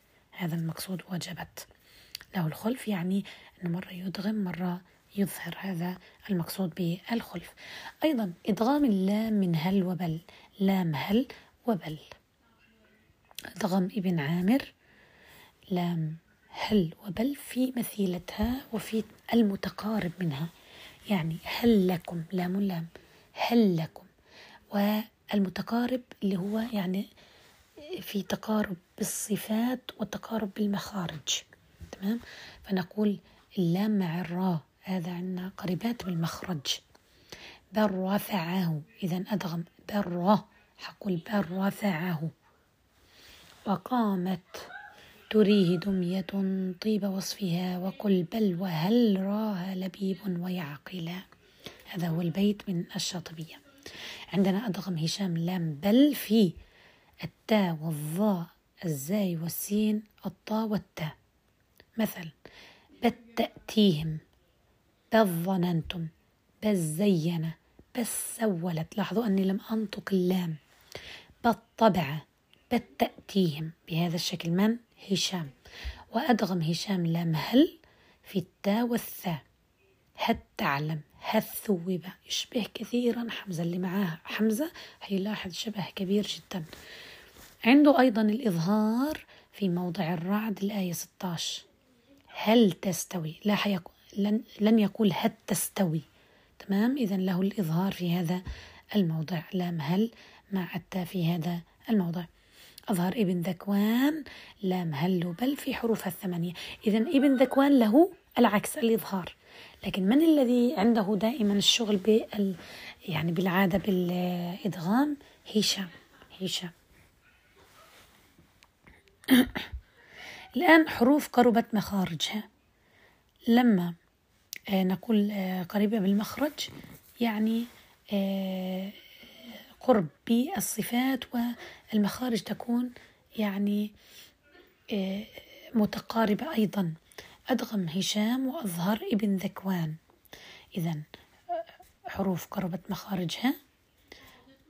أدغم هشام وأظهر ابن ذكوان. الثاء في التاء في أورثتموها. هشام حيقول أورثتموها ابن ذكوان حيقول أورثتموها. واضح الأعراف والزخرف. أظهر هشام وأدغم ابن ذكوان في يلهث يلهث ذلك. يعني هشام حيقول حنقدم دائما هشام دائما بقرأ لهشام ثم إذا اختلفوا ثم ابن ذكوان. حيقول يلهث ذلك. لمن؟ هشام. هشام أظهر في هذا الموضوع. ابن ذكوان العكس أدغم. يلهذ ذلك. يلهذ ذلك. حدخل مباشرة إلى الذال. أدغم ابن عامر الدال في الذال في كاف ها يا عين صاد ذكر. إذا لن أنطق الدال. لا أقول صاد ذكر إنما أقول صاد ذكر. كحمزة بالضبط. يعني نفس الشيء. آه وعنده أيضا الذال الساكنة في التاء. لفظ الاتخاذ اتخذت وما تصرف منها. الثاء في التاء في لبثت. إذا ماذا؟ أدغم ابن عامر. يعني هشام بن ذكوان. إذا في هذا الباب هشام بن ذكوان فاتحة مريم لفظ الاتخاذ وما تصرف منه يعني اتخذت اتخذتم اتخ... آه، آه، فكلها آه، يدغم بها اتخذت اتخذتم بهذا الشكل. الثاء في التال لبت لبتم كيفما وقعت. يعني أينما وقعت في القرآن وما تصرف منها له فيها الإدغام. من؟ ابن عامر كله يعني هشام وابن ذكوان. الدال في الثاء في يري الثواب يري الثواب في آل عمران. أظهر ابن عامر أعتذر يعني الصوت متعب الله المستعان. أظهر ابن عامر الباء عند الميم من اركب معنا. حيقولها بهذا الشكل اللي فيه هود. إذا أظهر الباء مع الميم. اركب معنا اركب معنا بهذا الشكل. آه، بعكس طبعا حفص. حفص عنده الإدغام. اركب معنا. آه، أدغم ابن عامر. إذا ما زلنا نتكلم. إذا كلاهما. ابن عامر كله يعني هشام وابن ذكوان. أدغم ابن عامر ياسين والقرآن. حيقول ياسين والقرآن. إذا آه، ابن عامر كله. ونون والقلم. تمام؟ آه، طبعا آه، لأنه حرف ثلاثي نون وراء الواو نون ساكنة. وراءها الواو نطبق أحكام النون الساكنة والتنوين. فعندنا غنى نون والقلم ياسين والقرآن الحكيم بهذا الشكل. إلى هنا يكون إن شاء الله. يعني انتهينا بفضل الله من باب آه، الإدغام عند الإمام ابن ذكوان. هذا وبالله التوفيق. لنا عودات إن شاء الله. سبحانك اللهم وبحمدك. نشهد لا إله إلا أنت. نستغفرك ونتوب إليك. ما أخطأت فمني ومن نفسي ومن الشيطان وما أصبت فمن الله سبحانه وتعالى. السلام عليكم ورحمة الله وبركاته. بسم الله والحمد لله والصلاة والسلام على رسول الله صلى الله عليه وسلم. اللهم لا علم لنا إلا ما علمتنا إنك أنت العليم الحكيم. اللهم علمنا ما ينفعنا وانفعنا بما علمتنا وزدنا علما تنفعنا به يا رب العالمين. وصلي وسلم وبارك على سيدنا محمد وعلى آله وصحبه الطيبين الطاهرين. وأما بعد آه، وصلنا بحول الله وقوته إلى باب إلتقاء الساكنين. تحريك أول الساكنين بالضم للزوم ضم ثالث الفعل للإمام ابن عامر. عندنا يعني إذا التقى عندنا ساكنان آه، فتكون عندنا عادة يعني آه، همزة آه، وصل أو يعني يكون عندي ساكن في الكلمة الأولى وساكن في بداية الكلمة الثانية. فالعرب لا تجمع ساكنان فيجب أن أتخلص من أحدهما إما بحذفه أو تحريكه. فقرأ ابن عامر بتحريك الساكن الأول بالضم. لو كان الساكن الذي بعده في فعل مبدوء بهمزة وصل وثالثه مضموم ضما لازما. لقد استهزئ وأنا تكلمت في هذا الباب لو رجعت إلى أصول الإمام قالون تكلمت واستفدت فيه كثيرا فهو يشبهه كثيرا. إذا نقول لقد استهزئ. إذا آه لو كان ثالث الفعل مضموم ضم أصلي فنضم الساكن الأول. أصلها لقد بالسكون. استهزئ. آه عندي همزة وصل. إذا أقول لقد استهزئ. أنعبد. أنعبد. وإذا كان ثالث الفعل مضموم ضم عارض. يعني ليس أصله مضموم. يعني ضمت هذه حركة عارضة. تمام؟ أو كان مفتوح أو مكسور فله كسر الساكن الأول. كيف الضم العارض؟ يعني مثلا امشوا. ليس أصلها امشوا أصلها امشيوا. لكن العرب للتخفيف حذفوا الياء ولوجود هذه الواو المادية ضم ما قبلها. للمناسبة نقول ضم للمناسبة. إذا حذفت الياء وضمت الشين لمناسبة الواو. امشوا بهذا الشكل. إذا هذا ماذا نسميه؟ ضم عارض لأنه مش أصله مضموم. إذا ماذا أفعل؟ إذا أكسر الساكن الأول. أن امشوا. لقد استكبروا. أو انفروا بهذا الشكل. عندي استثناءات لابن ذكوان. إذا اللي ذكرناه هذا لابن عامر لكن ابن ذكوان استثنى إذا كان الساكن الأول آه، منون. فإنه يكسره. مح مثلا محظورا انظر منيب ادخلوها منيب ادخلوها بهذا الشكل. طبعا اختلف عنه في موضعين يعني عندنا بالخلف. برحمة مثلا خبيثة اجتثت برحمة ادخلوها. تمام؟ وإذا اختلف عنه في هذان الموضعين. خبيثة اجتثت برحمة ندخلوها واضح؟ إذا عندنا اختلف يعني الخلف. باب الفتح هذا بالنسبة يعني لتحريك الساكنين. باب الفتح والإمالة. أمال ابن عامر ابن عامر يعني كلا الراويين. فواتح السور الراء في فواتح السور ألف لام ميم ري. ألف لام ري. الألف اللي بعدها الياء. كاف ها اللي في فاتحة مريم. هذا ابن عامر كله. أمال هشام خصصنا هشام. إذا ابن ذكوان لم يتفق معه في هذا. هشام أمال الألف من إنيه اللي بالأحزاب. نقول إناه إنيه في سورة الأحزاب. الهمزة والألف من آنية اللي في الغاشية يقول آنية. الألف من عابد وعابدون في الكافر في الكافرون. هيقول عابد عابدون. الألف من مشارب مشارب في ياسين. أمال ابن ذكوان جاء وشاء حيثما جاءت في القرآن. هيقول جاء شيء لابن ذكوان. سواء تجردت أو اقترنت في ضمير يعني جاءتهم جاءت جاءهم. نفس المعاملة تمال.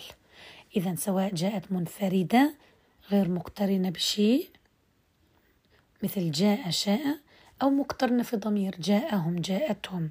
فيميلها ابن ذكوان. ونضيف لذلك أيضا كلمة زاد في موضع البقرة. فزادهم الله مرضا حتمال. فزادهم. وجها واحدا. وفي بقية المواضع في القرآن له الإمالة بخلف. شو معنى الإمالة بخلف؟ يعني يميل ويفتح. إذا غير موضع البقرة يميل ويفتح. يعني بهذا الشكل. أمال ابن ذكوان الراء والهمزة وجها واحدا من كلمة رأى. فحيقول رأي رئي بهذا ري ري رئي ولما تمال يجب أن ترقق الراء رئي إذا أتى بعدها متحرك آه، آه، رئي كوكبة. فحيبقي على الإمالة لأنه في بعض القراء آه، لما أو لا الله المستعان. الله يثبتنا. إذا الآن لو جاء بعدها متحرك يمال كليهما الراء والهمزة وجها واحدا. أما آه إذا كانت مقترنة عنا في ضمير فإمالة الراء والهمزة بخلف يعني له إمالة وله الفتح. رئيك رآك رئيها رآها رئيه رآه فرئيه فرآه. إذا تسع عندنا آه، ثلاث كلمات في تسع مواضع هذه الكلمات في تسع مواضع آه، آه، أما إمالة الراء والهمزة قولا واحدا لو كان وراها متحرك مثلا رئي كوكبا رئي أيديهم رئي نارا بهذا الشكل. الآن إذا أتى بعد لفظ راء ساكن فليس عندنا إمالة في بعضهم لو جاء وراها ساكن يميل فقط فتحة الراء ولا يميل الهمزة مثلا أو يميل الراء والهمزة لا يميل الألف. آه طبعا لما يأتي ساكن ماذا ماذا يصبح؟ الألف عندنا تسقط لالتقاء الساكنين فتبقى معي الراء والهمزة. إذا تمال فقط فتحة الراء. مثلا آه بعض القراء يقول رئة الشمس رئة. رئة الشمس ماذا فعل؟ الأمل فقط فتحة الراء الهمزة فتحها. الآن بالنسبة لي آه لي آه ابن ذكوان فلا يوجد عنده إمالة لما يأتي وراها ساكن فحيكون رأى الشمس رأى الذين بالفتح كحفص. أما لو وقفت عليها يمتنع السبب فتمال في حال الوقف. تمال اللي هي الراوي الهمزة. ابن ذكوان أيضا أمال لفظ التوراة. التوراة يقول بهذا الشكل. لما أذكر ابن ذكوان إذا هشام له الفتح. فإذا لو أنا قرأت الآية الآيات الموجودة عندنا مثلا في آل عمران فيها لفظة التوراة حفتح بالأول لفظة لفظة التوراة ثم أميلها. لماذا؟ لأن المقدم بالرتبة عنده الفتح. فحقدم هشام. وهشام يفتح. ثم ماذا؟ أميل. والإمالة فقط لابن ذكوان. أمال أيضا الألف اللي بعد الحاء من آه، آه، حاميم بهذا الشكل. يعني الحواميم أمالها. أمال بخلف يعني له وجهان عند الألف. آه، أمال بخلف من كلمة هار. اللي في التوبة هير حيقولها هير تمام؟ أمال بخلف مرة حيقول هار مرة حيقول هير ولما يفتح حيتفق مع هشام لما يميل له آه، هو فقط لابن ذكوان. أمال بخلف آه الألف من إكراههن اللي في النور. فمرة حيفتح ويتفق مع هشام ثم يميل. لابن ذكوان إكراههن. الإكرام.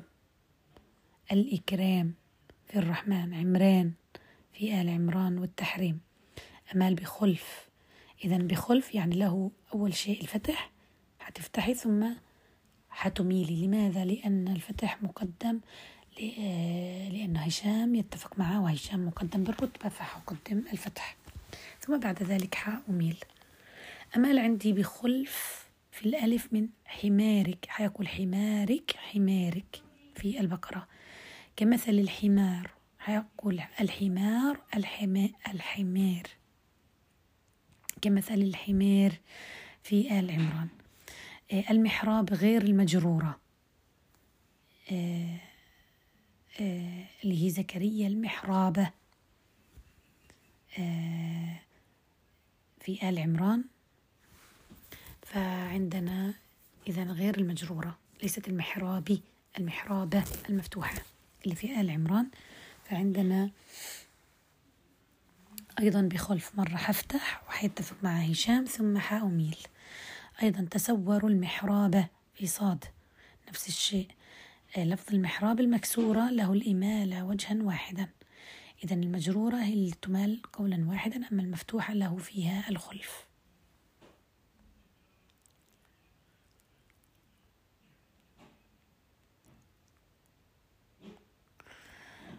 إلى هنا إن شاء الله نقف عند باب وقف هشام على الهمز المتطرف لأن هذا عندنا فيه شغل وهذا يتفق فيه حمزة.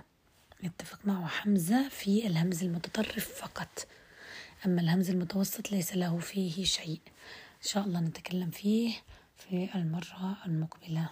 سبحانك اللهم وبحمدك نشهد أن لا إله إلا أنت نستغفرك ونتوب إليك. السلام عليكم ورحمة الله وبركاته. بسم الله والحمد لله والصلاة والسلام على رسول الله صلى الله عليه وسلم. اللهم لا علم لنا إلا ما علمتنا إنك أنت العليم الحكيم. اللهم علمنا ما ينفعنا وانفعنا بما علمتنا وزدنا علما تنفعنا به يا رب العالمين. وصل وسلم وبارك على سيدنا محمد وعلى آله وصحبه الطيبين الطاهرين. وأما بعد وصلنا بحول الله وقوته إلى باب وقف هشام على الهمز المتطرف. ولما نخصص هشام يعني لم نقل ابن عامر كله إذا فقط هذا الباب خاص بهشام آه، وليس خاص بابن ذكوان. إذا خرج منه ابن ذكوان وهو الراوي الثاني للإمام ابن عامر. آه، الآن قرأ هشام بتسهيل الهمز حال الوقف عليه إذا كان متطرفا. أما الهمز المبتدأ به والمتوسط فليس له إلا التحقيق. يختلف عن طبعا آه، حمزة. حمزة له بالهمز المتوسط والمتطرف لكن هشام ينفرد بالمتطرف آه، فقط. الآن جاء وقف هشام بالتسهيل مطلقا على المذهبين وعندنا مذهبان في تغيير الهمز المتطرفة والمذهب التصريفي وعندنا المذهب الرسمي. ما الفرق بينهما؟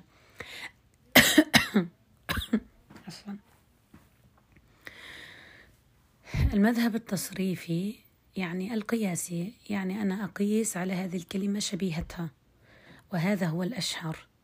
لكن المذهب الرسمي أنا أنظر لرسمة هذه الهمزة لأن الهمزة طبعا آه، هي الوحيدة اللي يختلف رسمها عن غيرها من الحروف حيث أنها تأتي مرة على الألف ومرة على الواو ومرة على الياء مرة متطرفة لنفس بنفسها. فهذه تسمى كراسي الهمزة وكأنها ككرسي تجلس عليه هذه الهمزة. نتخيل بهذا الشكل.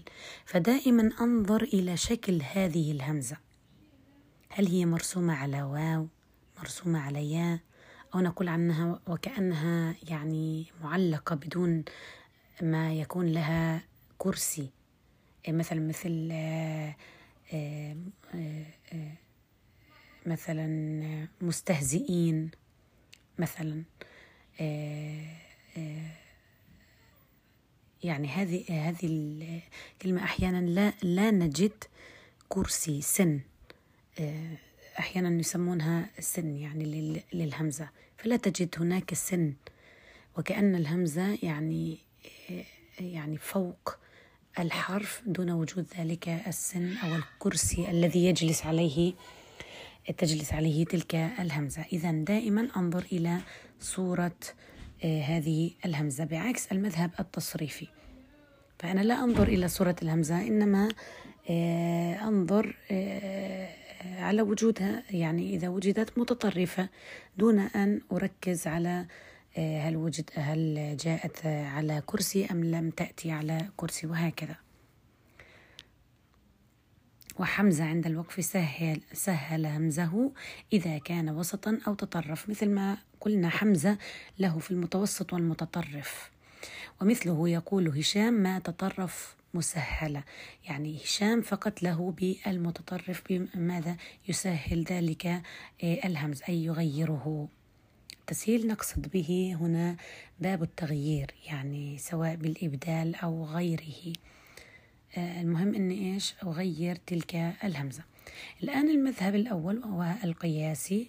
أنا أقيس آه، على ماذا وجدت هذه الهمزة تمام؟ وشبيهتها وأقيس عليها ما ما يعني ما شابهها.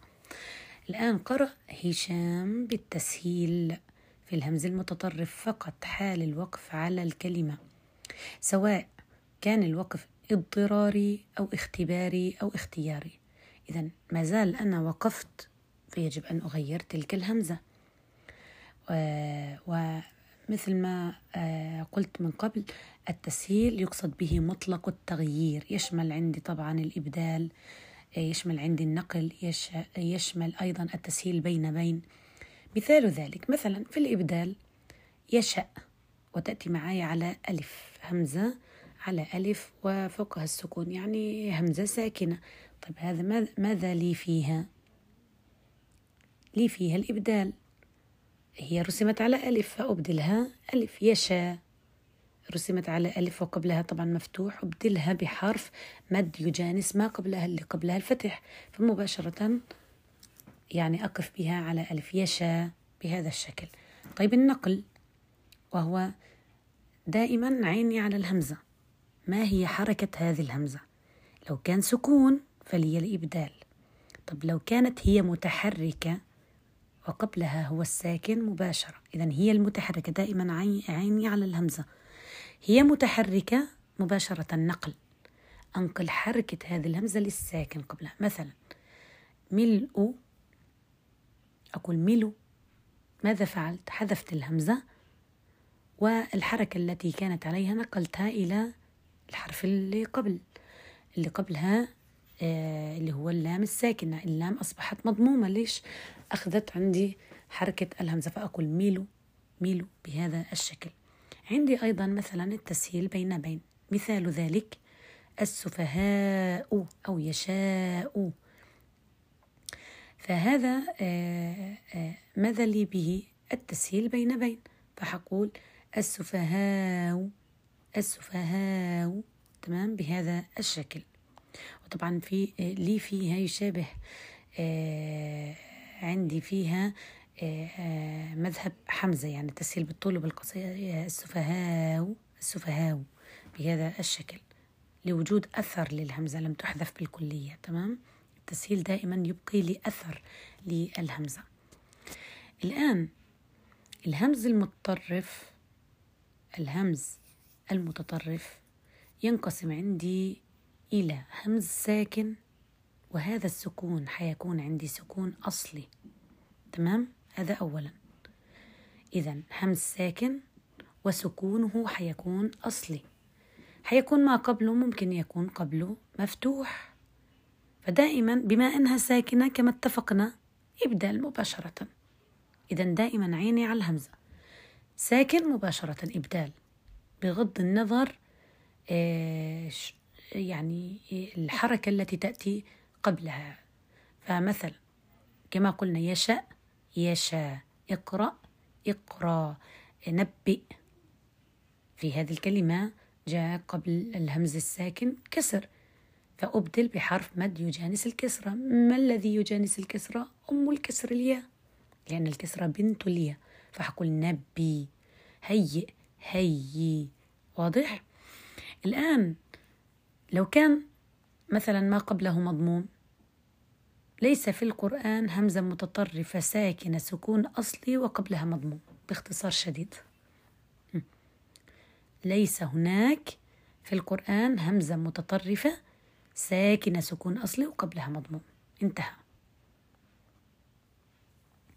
فأبدله عنه حرف مد مسكنة ومن قبله تحريكه قد تنزل هكذا. عندنا الدليل بالشاطبية الآن النوع الثاني قلنا البداية أنه يكون همز ساكن سكون أصلي. الآن النوع الثاني الهمز المتحرك. الآن الهمزة هي المتحركة. إذا دائما عيني على الهمزة. الآن الهمزة هي اللي عليها الحركة. وحركتها غير السكون طبعا متحركة. همز متحرك متطرف لكنه سكن سكونا عارضا. الآن أنا وقفت على هذه الهمزة فشيء طبيعي حتسكن هل هي كانت ساكنة؟ لا ليست ساكنة. هذا سكونها ليس أصلي هو سكون عارض. الآن عندي همز عارض السكون قبله حيكون مفتوح مثاله. مثلا الملأ. طب أنا لما أقف على الملأ الملأ. صحيح؟ الآن لما قلت الملأ ماذا فعلت؟ سكنت لأن العرب لا تقف على متحرك. قاعدة يجب أن تفهموها أن العرب لا تقف على متحرك فيجب أن أسكن. فحقول الملأ. الآن هشام لا يقف على همزة يجب أن يغير هذا الهمز المتطرف.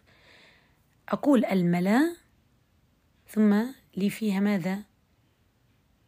آه يعني طبعا يبدل نقول إبدالها ألف. في حال الوقف الملا أنشأ أنشأ بهذا الشكل.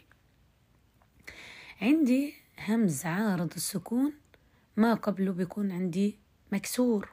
مثلا مثال ذلك مثلا قرئ قرئ. طيب حتبدل الهمزة قري قري. آه يبدأ يبدي بهذا الشكل.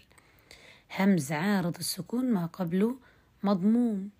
الحكم يبدل واو. في حال الوقف مثلا امرؤ امرؤ. طيب حتبدل الهمزة لأن امرو واضح؟ إذا دائما أقف عليها أول شيء بالسكون. يعني أخذها بهذا التدريج حتى لا يعني لا تهمني يعني. فأقف عليها بالسكون. امرؤ. ثم إيش؟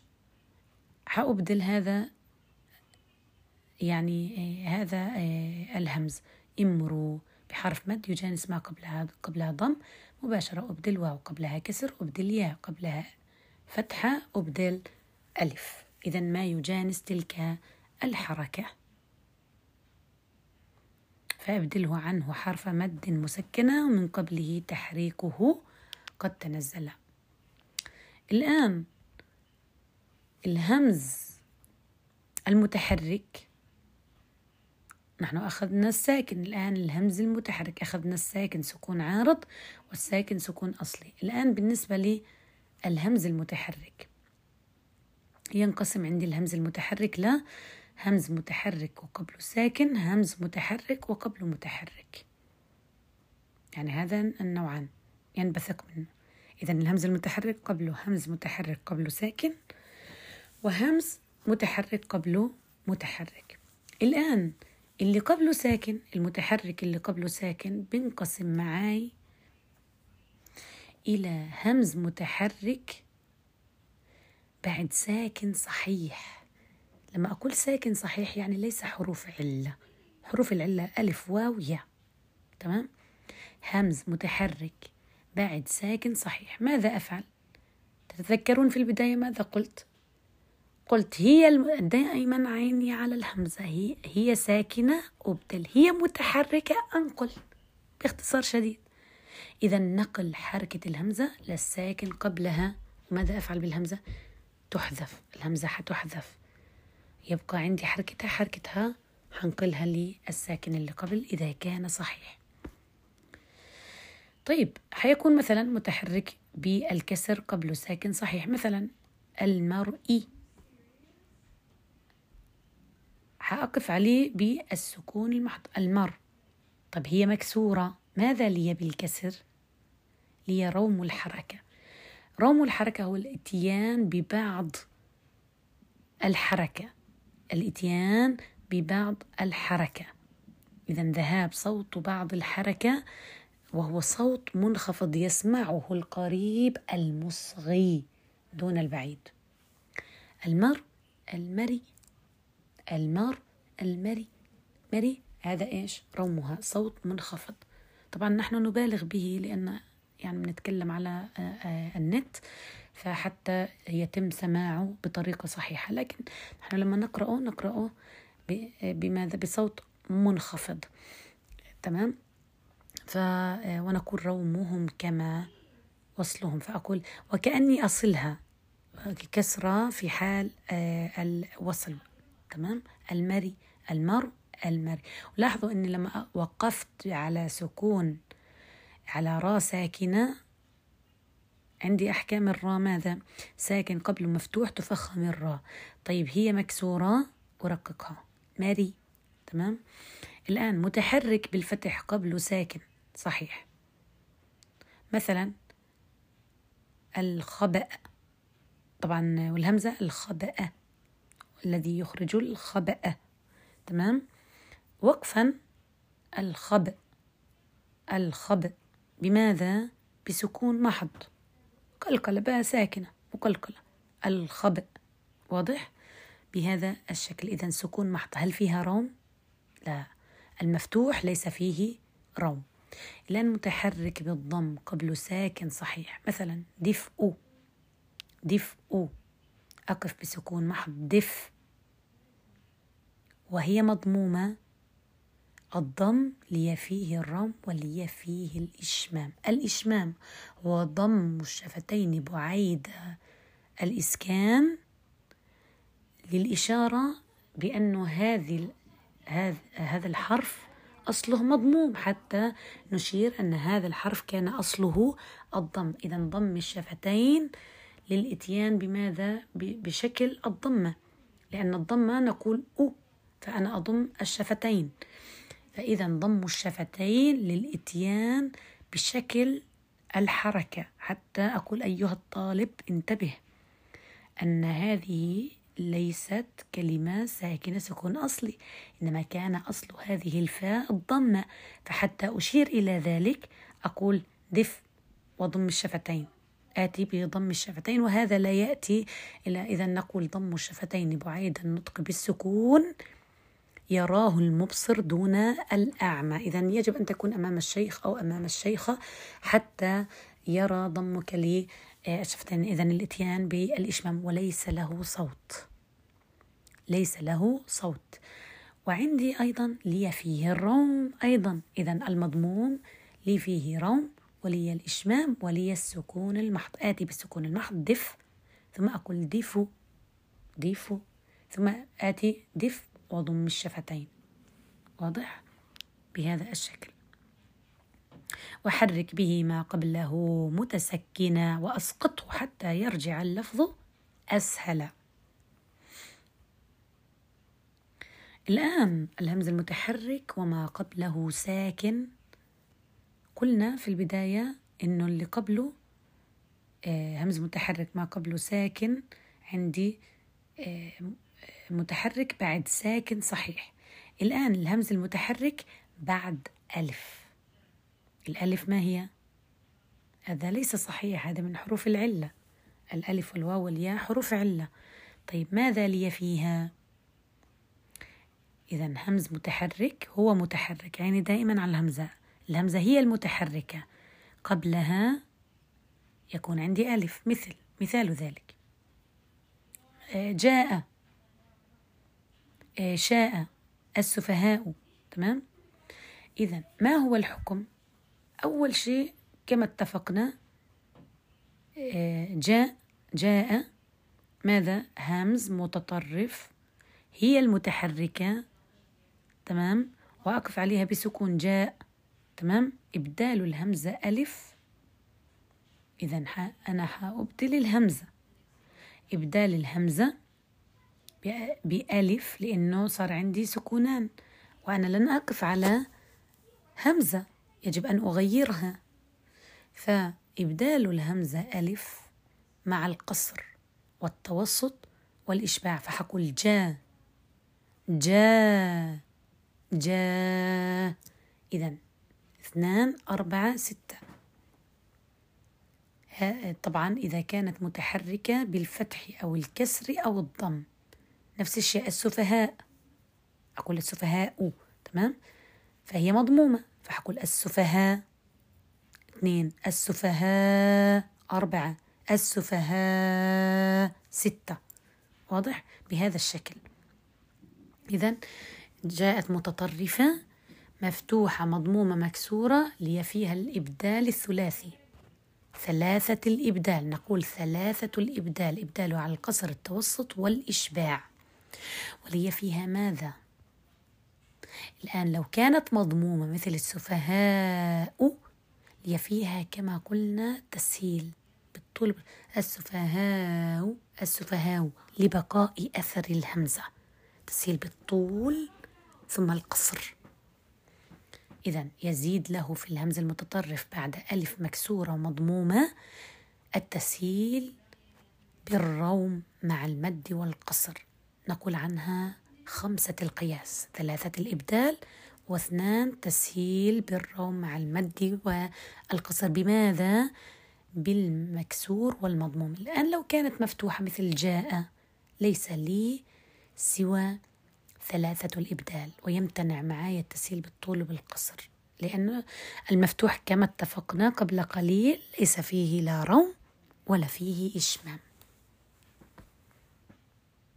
وما قبله التحريك أو ألف محركة طرفا فالبعض بالروم سهل وإن حرف مد قبل همز مغير يجوز قصره والمد ما زال أعدل بمعنى أني أقدم القصر عندي ثلاثة الإبدال والتسهيل بالروم مع المد والقصر في المضموم والمكسور بينما بالمفتوح ليس لي سوى ثلاثة الإبدال فقط ويمتنع عندي وجه الروم الآن الهمز المتحرك ما قبله ساكن. ينقسم عندي إلى همز متحرك بعد واو وياء زائدتين. ما معنى زائدتين؟ ليستا من بنية الكلمة. وعندي يعني أربع كلمات في القرآن الكريم جاء فيها الواو أو الياء زائدتين أي أي يعني ليستا من أصل الكلمة. إذا معنى الواو والياء الزائدتين اللتان ليستا حرفين أصليين من حروف الكلمة. فلا تقعان لا فاء ولا عين ولا لام للكلمة. ولم يأتي إلا أربع كلمات النسيء قروء دريء وبريء. هذه الأربع كلمات الوحيدة اللي عندنا في القرآن جاءت فيها الياء والواو ليست أصلية. مثلا قروء أصلها قرء ليس فيها واو. واضح؟ آه، آه، وهكذا. يعني أنه ليست من بنية الكلمة. الآن ما هو الحكم؟ أول شيء أنا أنظر لي الهمزة. النسيء ماذا أفعل؟ أو آه، أول شيء حقف بالسكون النسي. إذا إبدال الهمزة من جنس الحرف الزائد. ثم إدغامه فيه. فتصير واو مشددة أو يا مشددة. وحأقف عليها لو كانت مضمومة لي فيها الروم والإشمام ولو كانت مكسورة لي فيها وجه الروم ودائما السكون المحض. طبعا دائما السكون المحض موجود في الثلاث حالات. إذا حقول النسي النسي. إذا النسي سكون ثم ماذا أفعل؟ أبدلت أنا. ثم أدغم الياء في الياء الموجودة في الكلمة نفسها فتصبح النسي. ولاحظوا التشديد فيها النبرة هذه النبر النسي حتى أبين أن هذه ياء مشددة. آه، قرو قرو. طيب هي مضمومة النسي النسي النسي. قرو قروي. تمام؟ لأن آه، قروء هذه مكسورة. فيجب أن آه، أرومها. قروي بهذا الشيء بري بري. دري دري بهذا الشكل ويدغم فيه الواو والياء مبدلة إذا زيدتا من قبل حتى يفصلا. إن شاء الله يكون هذا آه، واضح.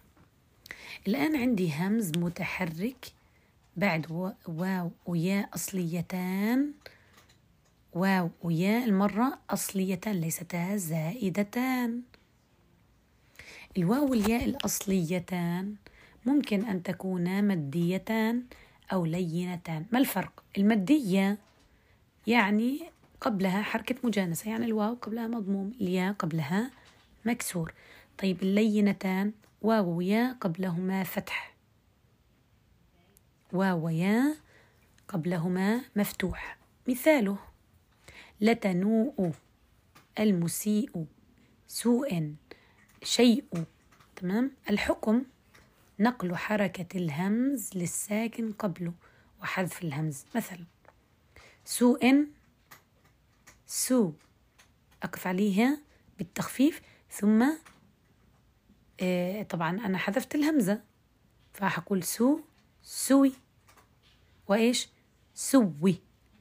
إذا لي فيها لاحظوا نقل حركة الهمز إلى الساكن وححذف الهمزة. حقول سو. طب الإبدال ثم الإدغام. سوي. سوي تمام؟ آه لتنو. لتنو. لتنو.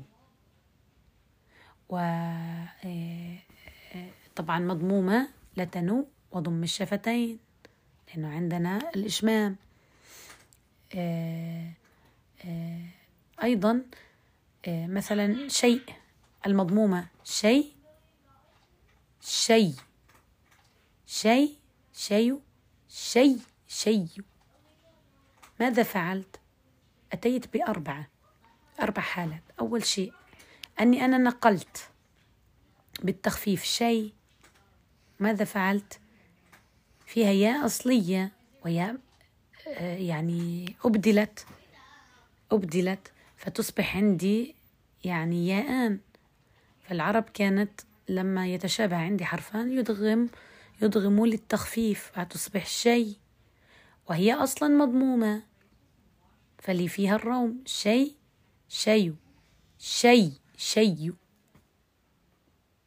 بهذا الشكل. نفس الشيء سوء نفس المبدأ. إذا أحرك به ما قبله متسكنا وأسقطه حتى يرجع اللفظ أسهل. وما واو أصلي تسكن قبله أو الياء فعن بعض بالإدغام حملا بهذا الشكل.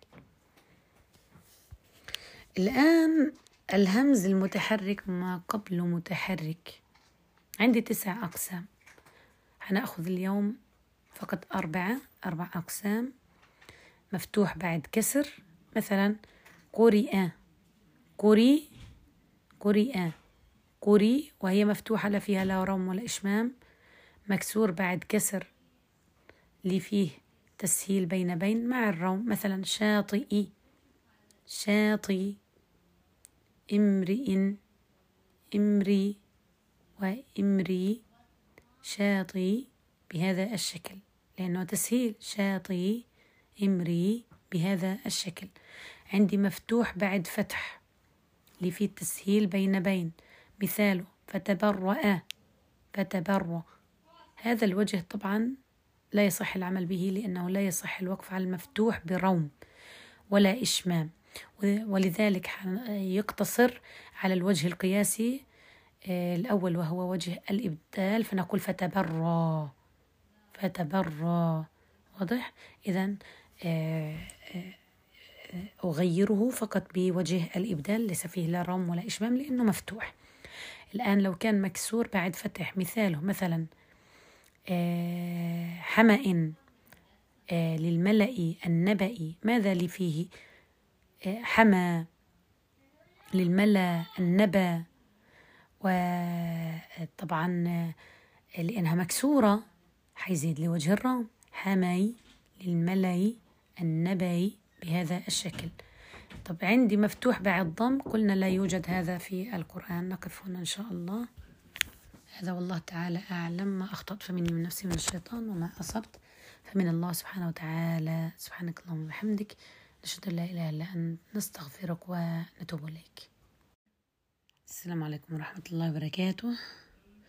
حياكم الله. آه، بسم الله والحمد لله والصلاة والسلام على رسول الله صلى الله عليه وسلم. اللهم لا علم لنا إلا ما علمتنا إنك أنت العليم الحكيم.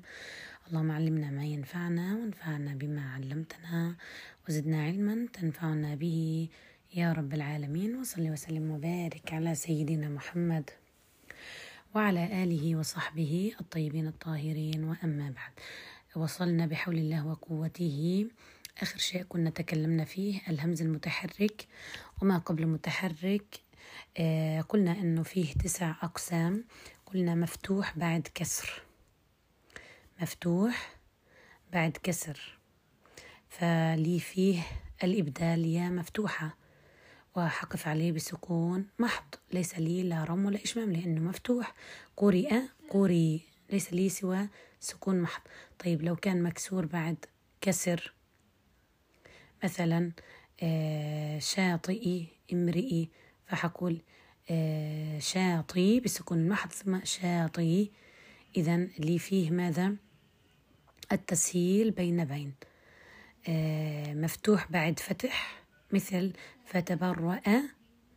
فالمفروض إني أسهل لكن هذا آه، مفتوح فلا أرومه. فحقول فتبرى أقف عليه فقط بالوجه القياسي. مكسور بعد فتح. آه، مثل حماء للملأ النبأ لفيه التسهيل بين بين مع الروم. فحقول مثلا حما حماي للملأ أو للملأ للملأ آه، آه، عفوا أستغفر الله. للملأ للملأ بماذا؟ بالتسهيل. ثم آه، بالوقف عليه بالسكون محض ثم التسهيل بالرم النبا النبي بهذا الشكل. عندي مكسور بعد ضم الإبدال وهو ساكنة. مكسور بعد ضم فأبدله عنه حرف مد. إذا فأبدله عنه حرف مد. إبدال واو ساكنة. واثنين التسهيل بين بين وفي غير هذا بين بين. الإبدال واو خالصة مع وجهي السكون المحض والروم على مذهب الأخفش. فعندي مثلا اللؤلؤي آه، فحقول آه، آه، اللؤلؤي اللولو تمام؟ اللولوي اللولو اللولوي. إذا إبدال واو ساكنة. وعندي لاحظوا همزتين اللولو لا أقف على أي منهما. اللولو ثم التسهيل اللولوي واللولوي بالإبدال واو خالصة. وهذا وجه آه الأخفش يعني آه السكون محض والروم على آه مذهب الأخفش. اللولو اللولوي اللولوي. لاحظوا أن هناك فرق بالصوت ما بين الإبدال واو خالصة برومها بين آه، التسهيل بالروم. التسهيل بالروم صوته اللولوي لولوي. بينما الإبدال وروم حركة هذا آه، الحرف لولوي وي أقول وي بهذا الشكل. إذا الصوت عندنا مختلف يجب أن نميز بينهما بين التسهيل وبين الإبدال والروم. لأن التسهيل بالروم يشبه لكن بالصوت يجب أن أميز بينهما. الآن مضموم بعد كسر. لو كان الآن مضموم بعد كسر عندي أنا أول شيء أبدل يا ساكنة فأبدله عنه حرف مد. تسهيل وفي غير هذا بين بين. والإبدال يا خالصة مع السكون المحض الإشمام والروم. طبعا هذا على مذهب الأخفش. فعندنا حيتحد معي وجه السكون المحض مع الوجه القياسي. واضح؟ إذا نقول أنه عندنا مثلا آه، أحيانا حنقول أنه خمسة آه، عندي خمس أوجه مثلا آه، يعني نقول نظرا لكن عملا أربعة لأنه ممكن يتشابه عندي وجهين وجه قياسي ووجه يعني رسمي. فمثلا ينشئ وجدت معي على يا فهنا في عندي فيها بالقياس ينشي إسكان وهذا أيضا نفس الشيء بالقياس أنا أقف في إسكان ينشي. ثم لي ماذا؟ التسهيل. إذا وقفت ينشي على يا آه، ساكنة. ينشي ينشي ينشي إذا لاحظوا الفرق. وأنا أبالغ طبعا بالروم حتى يبان معكم وتسمعوه جيدا. فأقول آه، ينشي بالقياسي ينشئ تسهيل بروم. ينشي على الرسمي أيضا. لاحظوا أن نتفق معايا. فنقول أنه أربعة في هذا الوجه. عندي أربعة آه يعني اللهم صل وسلم. لا إله إلا الله. إذا أربعة نقول عنها يعني أوجه نظرا نظرا وعملا يكون عندي بالتطبيق يعني لأنه حيتحد وجهان بنقص وجه. فينشي أيضا بالقيا بالرسمي وحقول ينشي ينشي وينشي وقل وضم الشفتين. لماذا؟ لأنه هذا في يعني هذه الكلمة مضمومة فلي فيها روم وإشمام ينشي بسكون المحض ينشي وضم الشفتين بالإشمام ينشي آه اللي هو الروم ينشي على القياس ينشئ تسهيل بروم إذا والأخفش بعد الكسر والضم أبدل بياء وعنه الواو وفي عكسه. واضح بهذا الشكل. الآن عندي مضموم بعد ضم. مضموم يعني كلاهما مضموم. يعني الهمزة مضمومة وقبلها أيضا مضموم. الحكم عندي التسهيل مع الروم مثلا لؤلؤ فحقول لولو. لولو. إذا لولو بالسكون المحض لولو. تسهيل مع الروم طيب امرؤ امرو بالسكون المحض امرو بتسهيل بالروم وعندي فيها آه، للعلم لأنها هذه حتلاحظوا لو بحثتوا فيها في القرآن حتلاحظوا أنها مرسومة على واو اللي فيها بالرسم أيضا امرو بالسكون المحض وامرو وضم الشفتين أي فيها أيضا وجه الإشمام لأنها مضمومة. عندي مضموم بعد فتح. الحكم التسهيل بين بين مع الروم. مثلا آه، يبدأ وحتلاحظوا أنها ليست على ألف إنما على واو بالمصحف. آه، آه، يبدأ يبدأ يبدأ يبدأ. طيب هي مرسومة على واو. يبدأ. يبدأ يبدأ يبدأ لأنها مرسومة على واو. مثلا آه وطبعا آه يبدأ يبدو وضم الشفتين. تمام؟ إذا آه مثلا تظمأ نفس الشيء. إذا التسهيل مع الروم. تسهيل مع الروم وعندي إذا كانت مضمومة وفي فيها طبعا نحن لم نخض كثيرا بالرسم لأنه الآن اللي أنا بتكلم فيه هو القياسي. لكن لما نصل إن شاء الله المذهب الرسمي حتلاحظوا أن هذه الكلمات حسب رسمتها دائما عيني على الهمزة. رسمتها لو كانت عواو يعني لها كرسي فهذه فيها بالرسمي تمام؟ إذا الخلاصة الخلاصة من الكلام كله في المذهب الرسمي عفوا القياسي. يبدل هشام الهمز المفتوح بعد كسر يا مفتوحة وباقي حالات المتحرك بعد متحرك حكمها التسهيل بين بين. الآن على مذهب الأخفش له فيها إبدال لو كانت الهمزة مضمومة بعد كسر أو مكسورة بعد ضم. هذا باختصار آه، شديد. الآن آه، عندنا بالمذهب الرسمي المذهب الرسمي روى بعض أهل الأداء عن هشام أنه كان يقف بتغيير الهمز بما صورت به في رسم المصحف يعني على الرسم العثماني.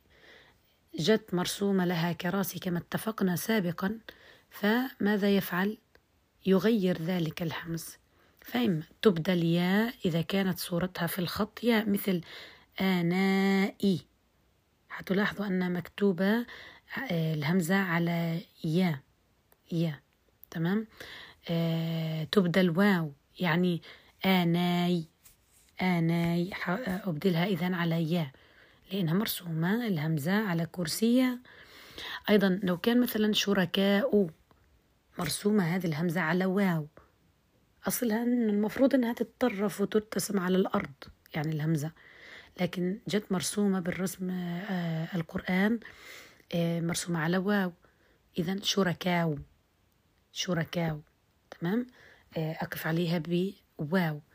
وذلك ليس طبعا مطلقا في القرآن كله ولكن اشترط الإمام الداني وجماعة من الآئمة صحة النقل واللغة أيضا.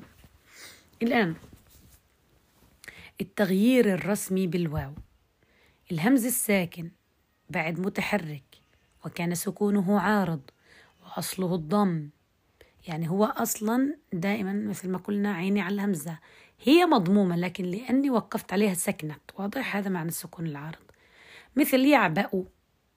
هي مضمومة. طب أنا لما أقف عليها ماذا أقف؟ يعبى تمام؟ إذا الآن بالرسمي هي مرسومة على واو وليست على ألف فحقول يعبو يعبو أقف بواو. إذا الشيء اللي مرسومة عليه حقف عليه. لو كانت مرسومة على يا أقف على يا مرسومة على واو أقف على واو. مرسومة على ألف أقف على ألف. إذا إبدالها. هأبدل إيش؟ أقول أول شيء أقف على واو لأن يعبأ. مرسومة على واو يعبو أو أبدلها ألف يعبى هذا ونظيره طبعا في القرآن آه، يشبه كثيرا. مثلا مثل تفتأ. كل اللي بي ما يشابهها قيس عليها بنفس الهيئة. قيس عليها بنفس الهيئة. مثل يعبأ تفتأ يبدأ أتوكأ تظمأ مثلا يدرأ الملأ نبأ ينشأ ينبأ. فكلها أقف عليها بواو لأنها مرسومة بالرسم على واو. وهي ألفاظ مخصوصة طبعا عندي في القرآن. وقف عليها اتباعا للرسم. أول شيء حيقف بالسكون المحض. مثلا ناخذ مثال تفتأ تفتو يعبأ يعبو آه أتوكأ أتوكو واضح؟ هذا أول شيء أقف بسكون محض. ثم ماذا؟ هذا بالرسم. الآن بالقياسي يعبى بالقياسي تفتى يبدأ. إذا أقف على ألف قياسا.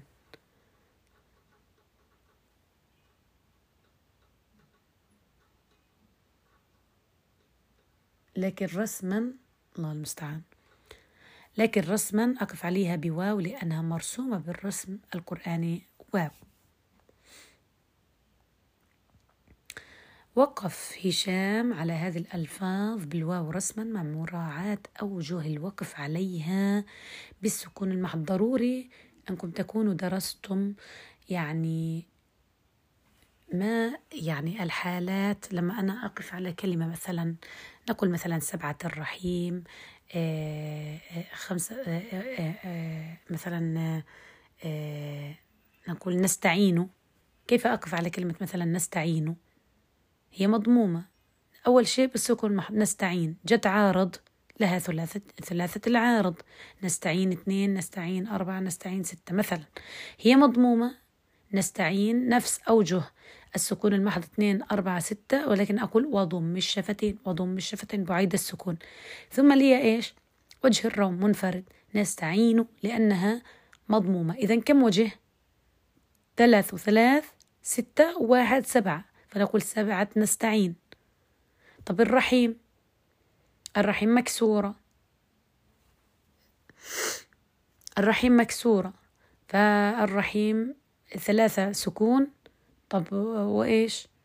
وعندي إذا مكسورة ما فيها إشمام. واحد رو أربع أربعة الرحيم. تمام؟ فنقول أربعة الرحيم. نفس الشيء نفس الشيء بالهمزات. فيجب أن أكون أعلم أني في الأول حقف بسكون محض.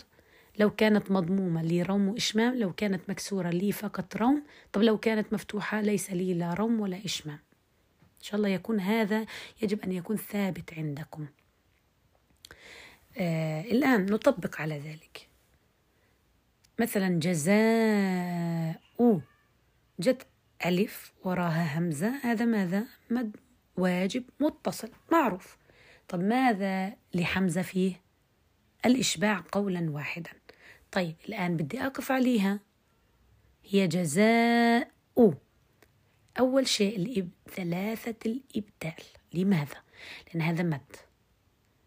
إذا ثلاثة الإبدال. جزاء جزاء جزاء. اثنين أربعة ستة. طيب هي مضمومة. عيني على الهمزة. منفردة متطرفة مضمومة. كما اتفقنا في البداية تأسسنا إن شاء الله صح. هي مضمومة. فإذا تسهيل بروم على الطول والقصر. جزاو جزاو لبقاء أثر الهمزة. إذا كم وجه لي؟ لي نقول خمسة القياس.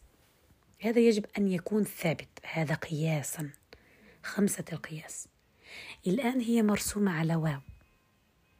مرسومة على واو. فحقول. إذا حقف على واو مثل ما اتفقنا قبل قليل مثل ينبأ ينبأ.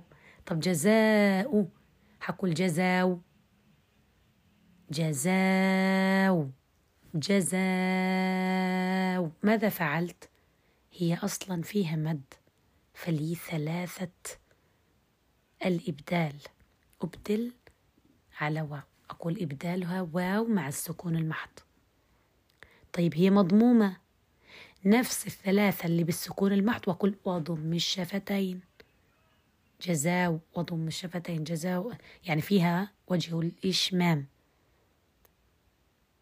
نفس أوجه السكون المحض ثلاثة نفسهم ثلاثة أيضا على الإشمام.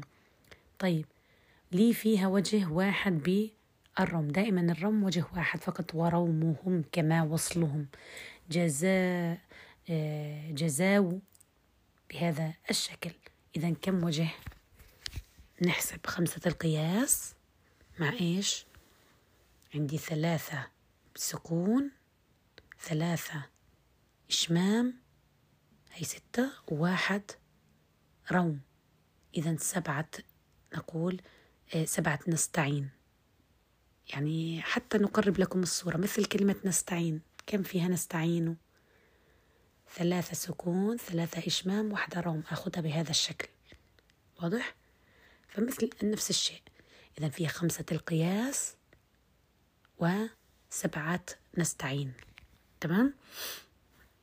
لماذا؟ لأنها مضمومة. أخذت على القياسي القياسي خمسة. على الرسمي بطلع عيني على الهمزة. الهمزة مرسومة على واو لها كرسي. مباشرة وفيها مد. إذا ثلاثة الإبدال ثم نفسهم اللي على السكون المحض.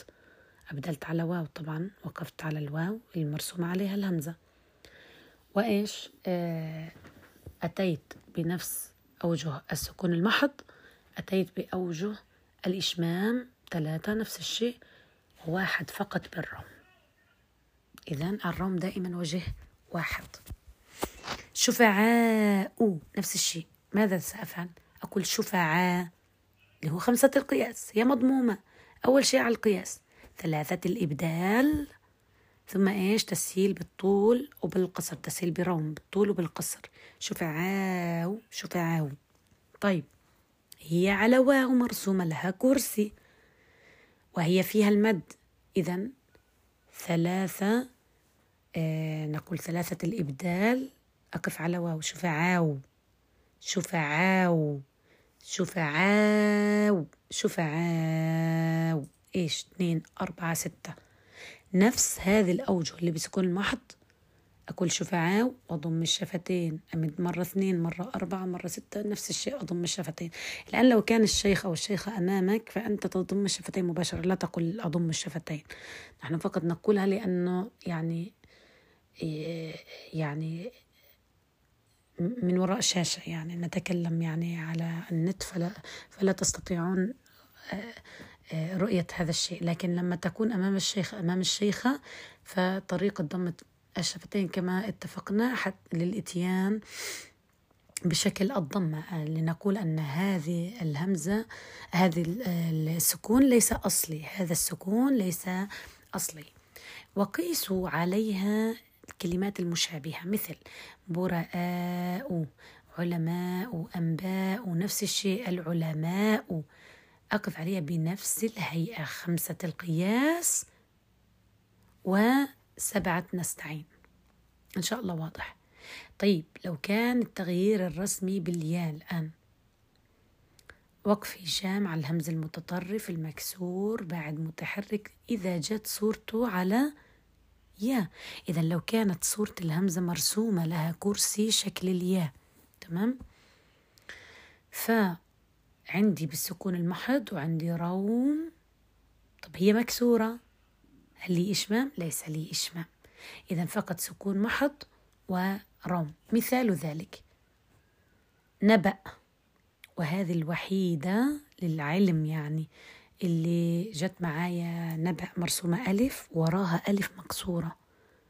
فلا أعلم يعني ماذا تسمونها. نحن نسميها الألف المكسورة. فنبأ آه، اللي هي نبأ المرسلين هذه الآية اللي في الأنعام. فنبأ كيف أقف عليها؟ بالإبدال أول شيء يا رسما نبي مع السكون المحض والروم. نبي طيب. وبالقياس نبا. بالتسهيل نبي نبي. بالرسم نبي يي لاحظوا بإني لما أروم الحركة روم الحركة ليس كالتسهيل بالروم تمام؟ التسهيل بروم صوته نبي أنا سهلت الهمزة بين بين وأتيت بها على كسر بصوت كسر. لكن بالإبدال بالروم اتيان ببعض الحركة نبي يي لاحظوا أني نطقت صوت الحرف واضح؟ المبدل. طيب وهذه هي الوحيدة بهذا الشكل. حتلاحظوا أنها ألف وراها يا مكسورة. آه مثلا شاطئي. شاطئ وطبعا لاحظوا ليس فيها ثلاثة الإبدال. لماذا؟ لأنه ليست مد. لم أقل شاطئ. إذا فنقول أني أبدلها في الرسم شاطئ آه والقياسي أيضا نفس الشيء. شاطئ لاحظوا أنه هذان الوجهان اتفقا. كما قلت من البداية ممكن أوجه تتفق معنا الرسم مع القياسي فيكون نظرا لها أوجه زيادة لكن عملا أوجه أقل. ليش؟ لأنه اتفق معايا نفس الأوجه. بالعمل حطبق نقول نبي. آه، أو آه، شاطي شاطي بهذا الشكل. إذا الوجهان متحدان لفظا. الآن شاطي بالتسهيل بين بين مع الروم إيش؟ قياسا. وشاطي بماذا؟ الروم. هذا نقول عنه اللي هو آه، إبدال يا مع السكون المحض والروم. شاطي مثلا امرئي امري امري امري امري. مرة نطقت بالقياس مرة نطقت بالرسمي بالرسمي.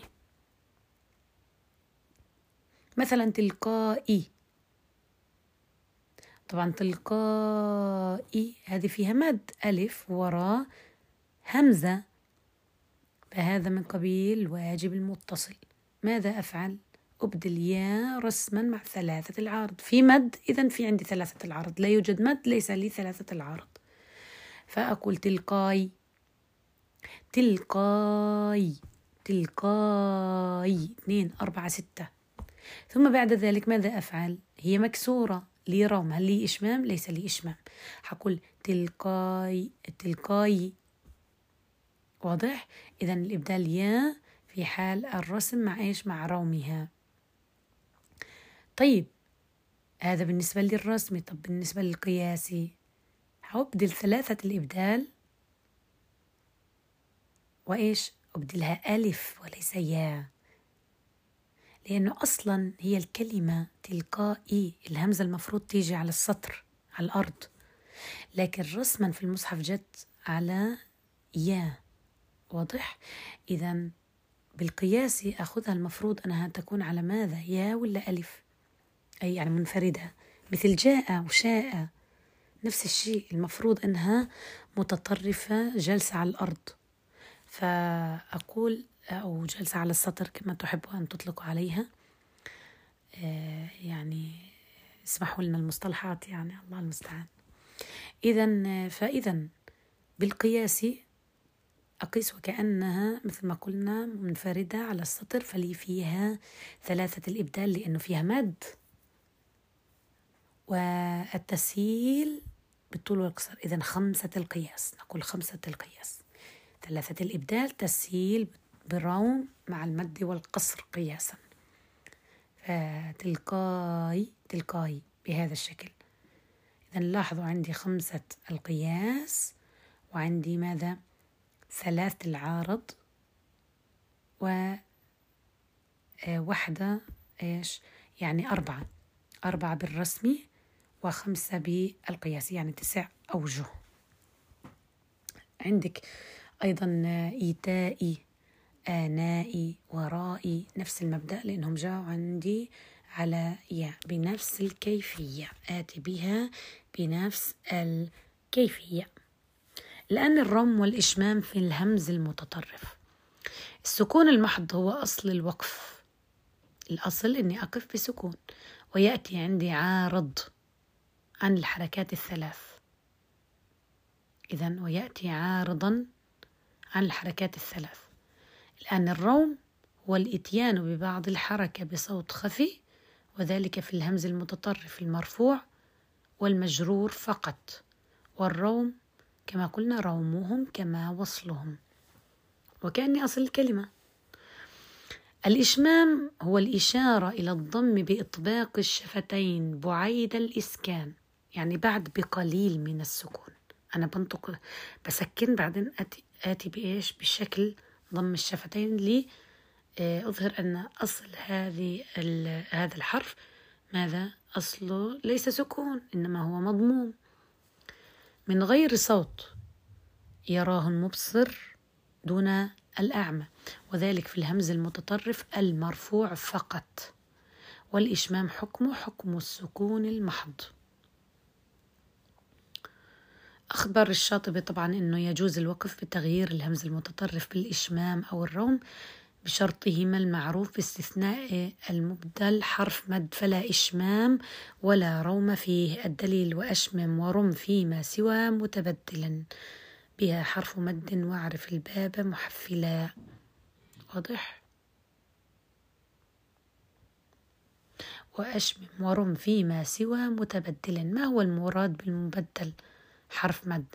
يعني إذا وقع الهمز المتطرف يعني بعد متحرك مثل مثلا نبئي ملئي آه، أقول نبأ الملئي الملأ يبدأ يبدأ أو يبدأ.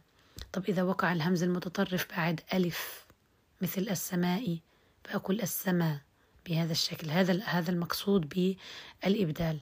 الآن صور تغيير الهمز المتطرف والتي يجوز فيها دخول الرم والإشمام مثل المرء المرء أو المر وقفا بالسكون المحض وعندي روم وإشمام. أقول المر بالسكون المر بإيش؟ بالروم. ثم المر وأطباق الشفتين بالإشمام لأنها مضمومة. طب آه، السوئي السو السوي السو السوي. بهذا الشكل. ما دام مكسورة؟ لي فيها سكون محض وروم. طب الهمزة المبدلة مع الإدغام آه، نحن قلناها السو آه، آه، اللي هي السو لأنه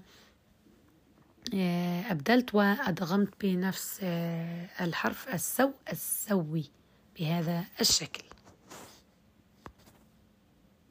آخر شيء صور تغيير الهمز المتطرف التي يجوز فيها دخول الروم والإشمام عندي الهمزة المتطرفة بعد متحرك مبدل ياء أو واو رسما مثل تفتأ. أقول تفتو بالسكون المحض. تفتو وتفتو وتفتو وضم الشفتين. إذا سكون محض تفتو ثم أقول تفتو على الرسم طبعا. وتفتو وضم الشفتين. طبعا القياس تفتو عندي يزيد وجه التسهيل يعني إيه، أربع أوجه. مثلا نبئي قلنا نبي آه، وقفا بالسكون المحض وعندي نبي بإيش؟ برومها. وعندي بالقياس نبي نبأ نبي إذا كم وجه؟ نبأ نبي وجهان بقياس ونبي. نبي. إذا أربع أوجه. عند الهمزة المضطرفة بعد ألف مبدلة ياء أو واو رسما. مثلا آنائي اللي قلناها. آناي. بالسكون المحض آناي. آناي. واضح برومها. أنا. أناي. طبعا هذا بيتفق بالقياسي. الرسم مع القياسي أناي أناي بإيش؟ بتسهيلها. الهمز المتطرف المبدل ياء أو واو عند الأخفش مثل يبدأ وعندك يعني موجودة على ياء. آه، يبدأ آه، وقفا بالسكون المحض وعندي يبدأ آه، يبدأ عفوا. طبعا بالقياسي يبدأ على ألف يبدأ بتسهيل. طب بال ب اللهم صل على سيدنا محمد لا إله إلا الله. بمذهب الأخفش عند الهمزة المتطرف مبدلة يا أو واو فأقول يبدي يبدي آآ آآ آآ نعم يبدي بإيش؟ إبدالها يا ثم يبدي وعندي يبدي وإيش ب أيضا أضم الشفتين لأنها مرسومة على ياء فأبدلها ياء. إذا وقفا سكون محض. ببدلها يا لأنها مرسومة عليا لو كانت على واو أبدلها واو عندي دائما. مضمومة عندي إشمام وروم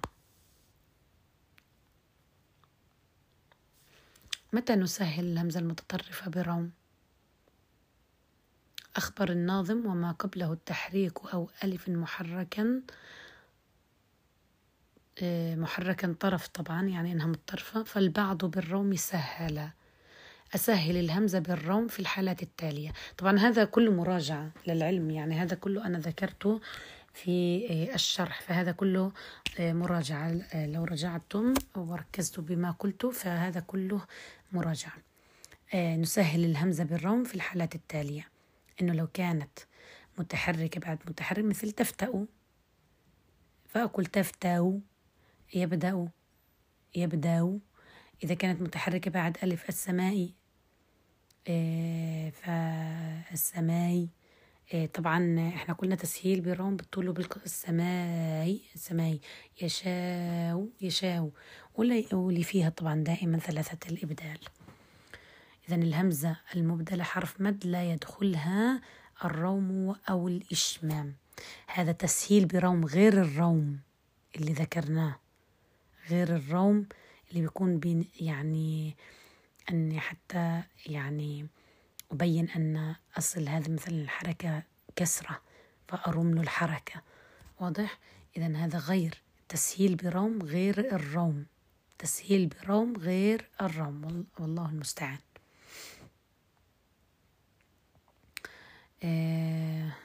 آخر شيء الوقف على مرسوم الخط.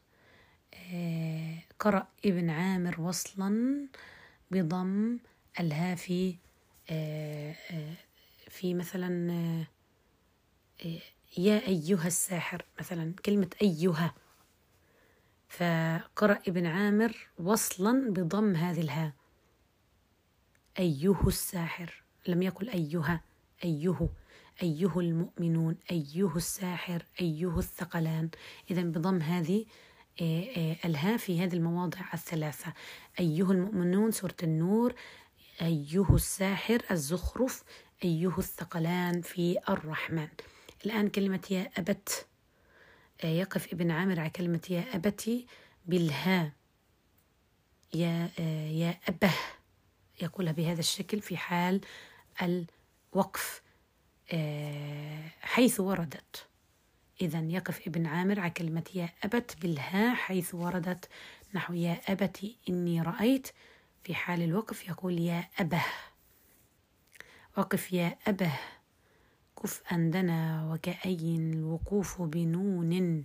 وهو بالياء حصلا. ويا أيها فوق الدخان. ويا آه، وأيها لدى النور والرحمن رافق آه، أو رافقا حمل وفي الها على الاتباع ضم ابن عامر لدى الوصل والمرسوم فيهن أخيلا.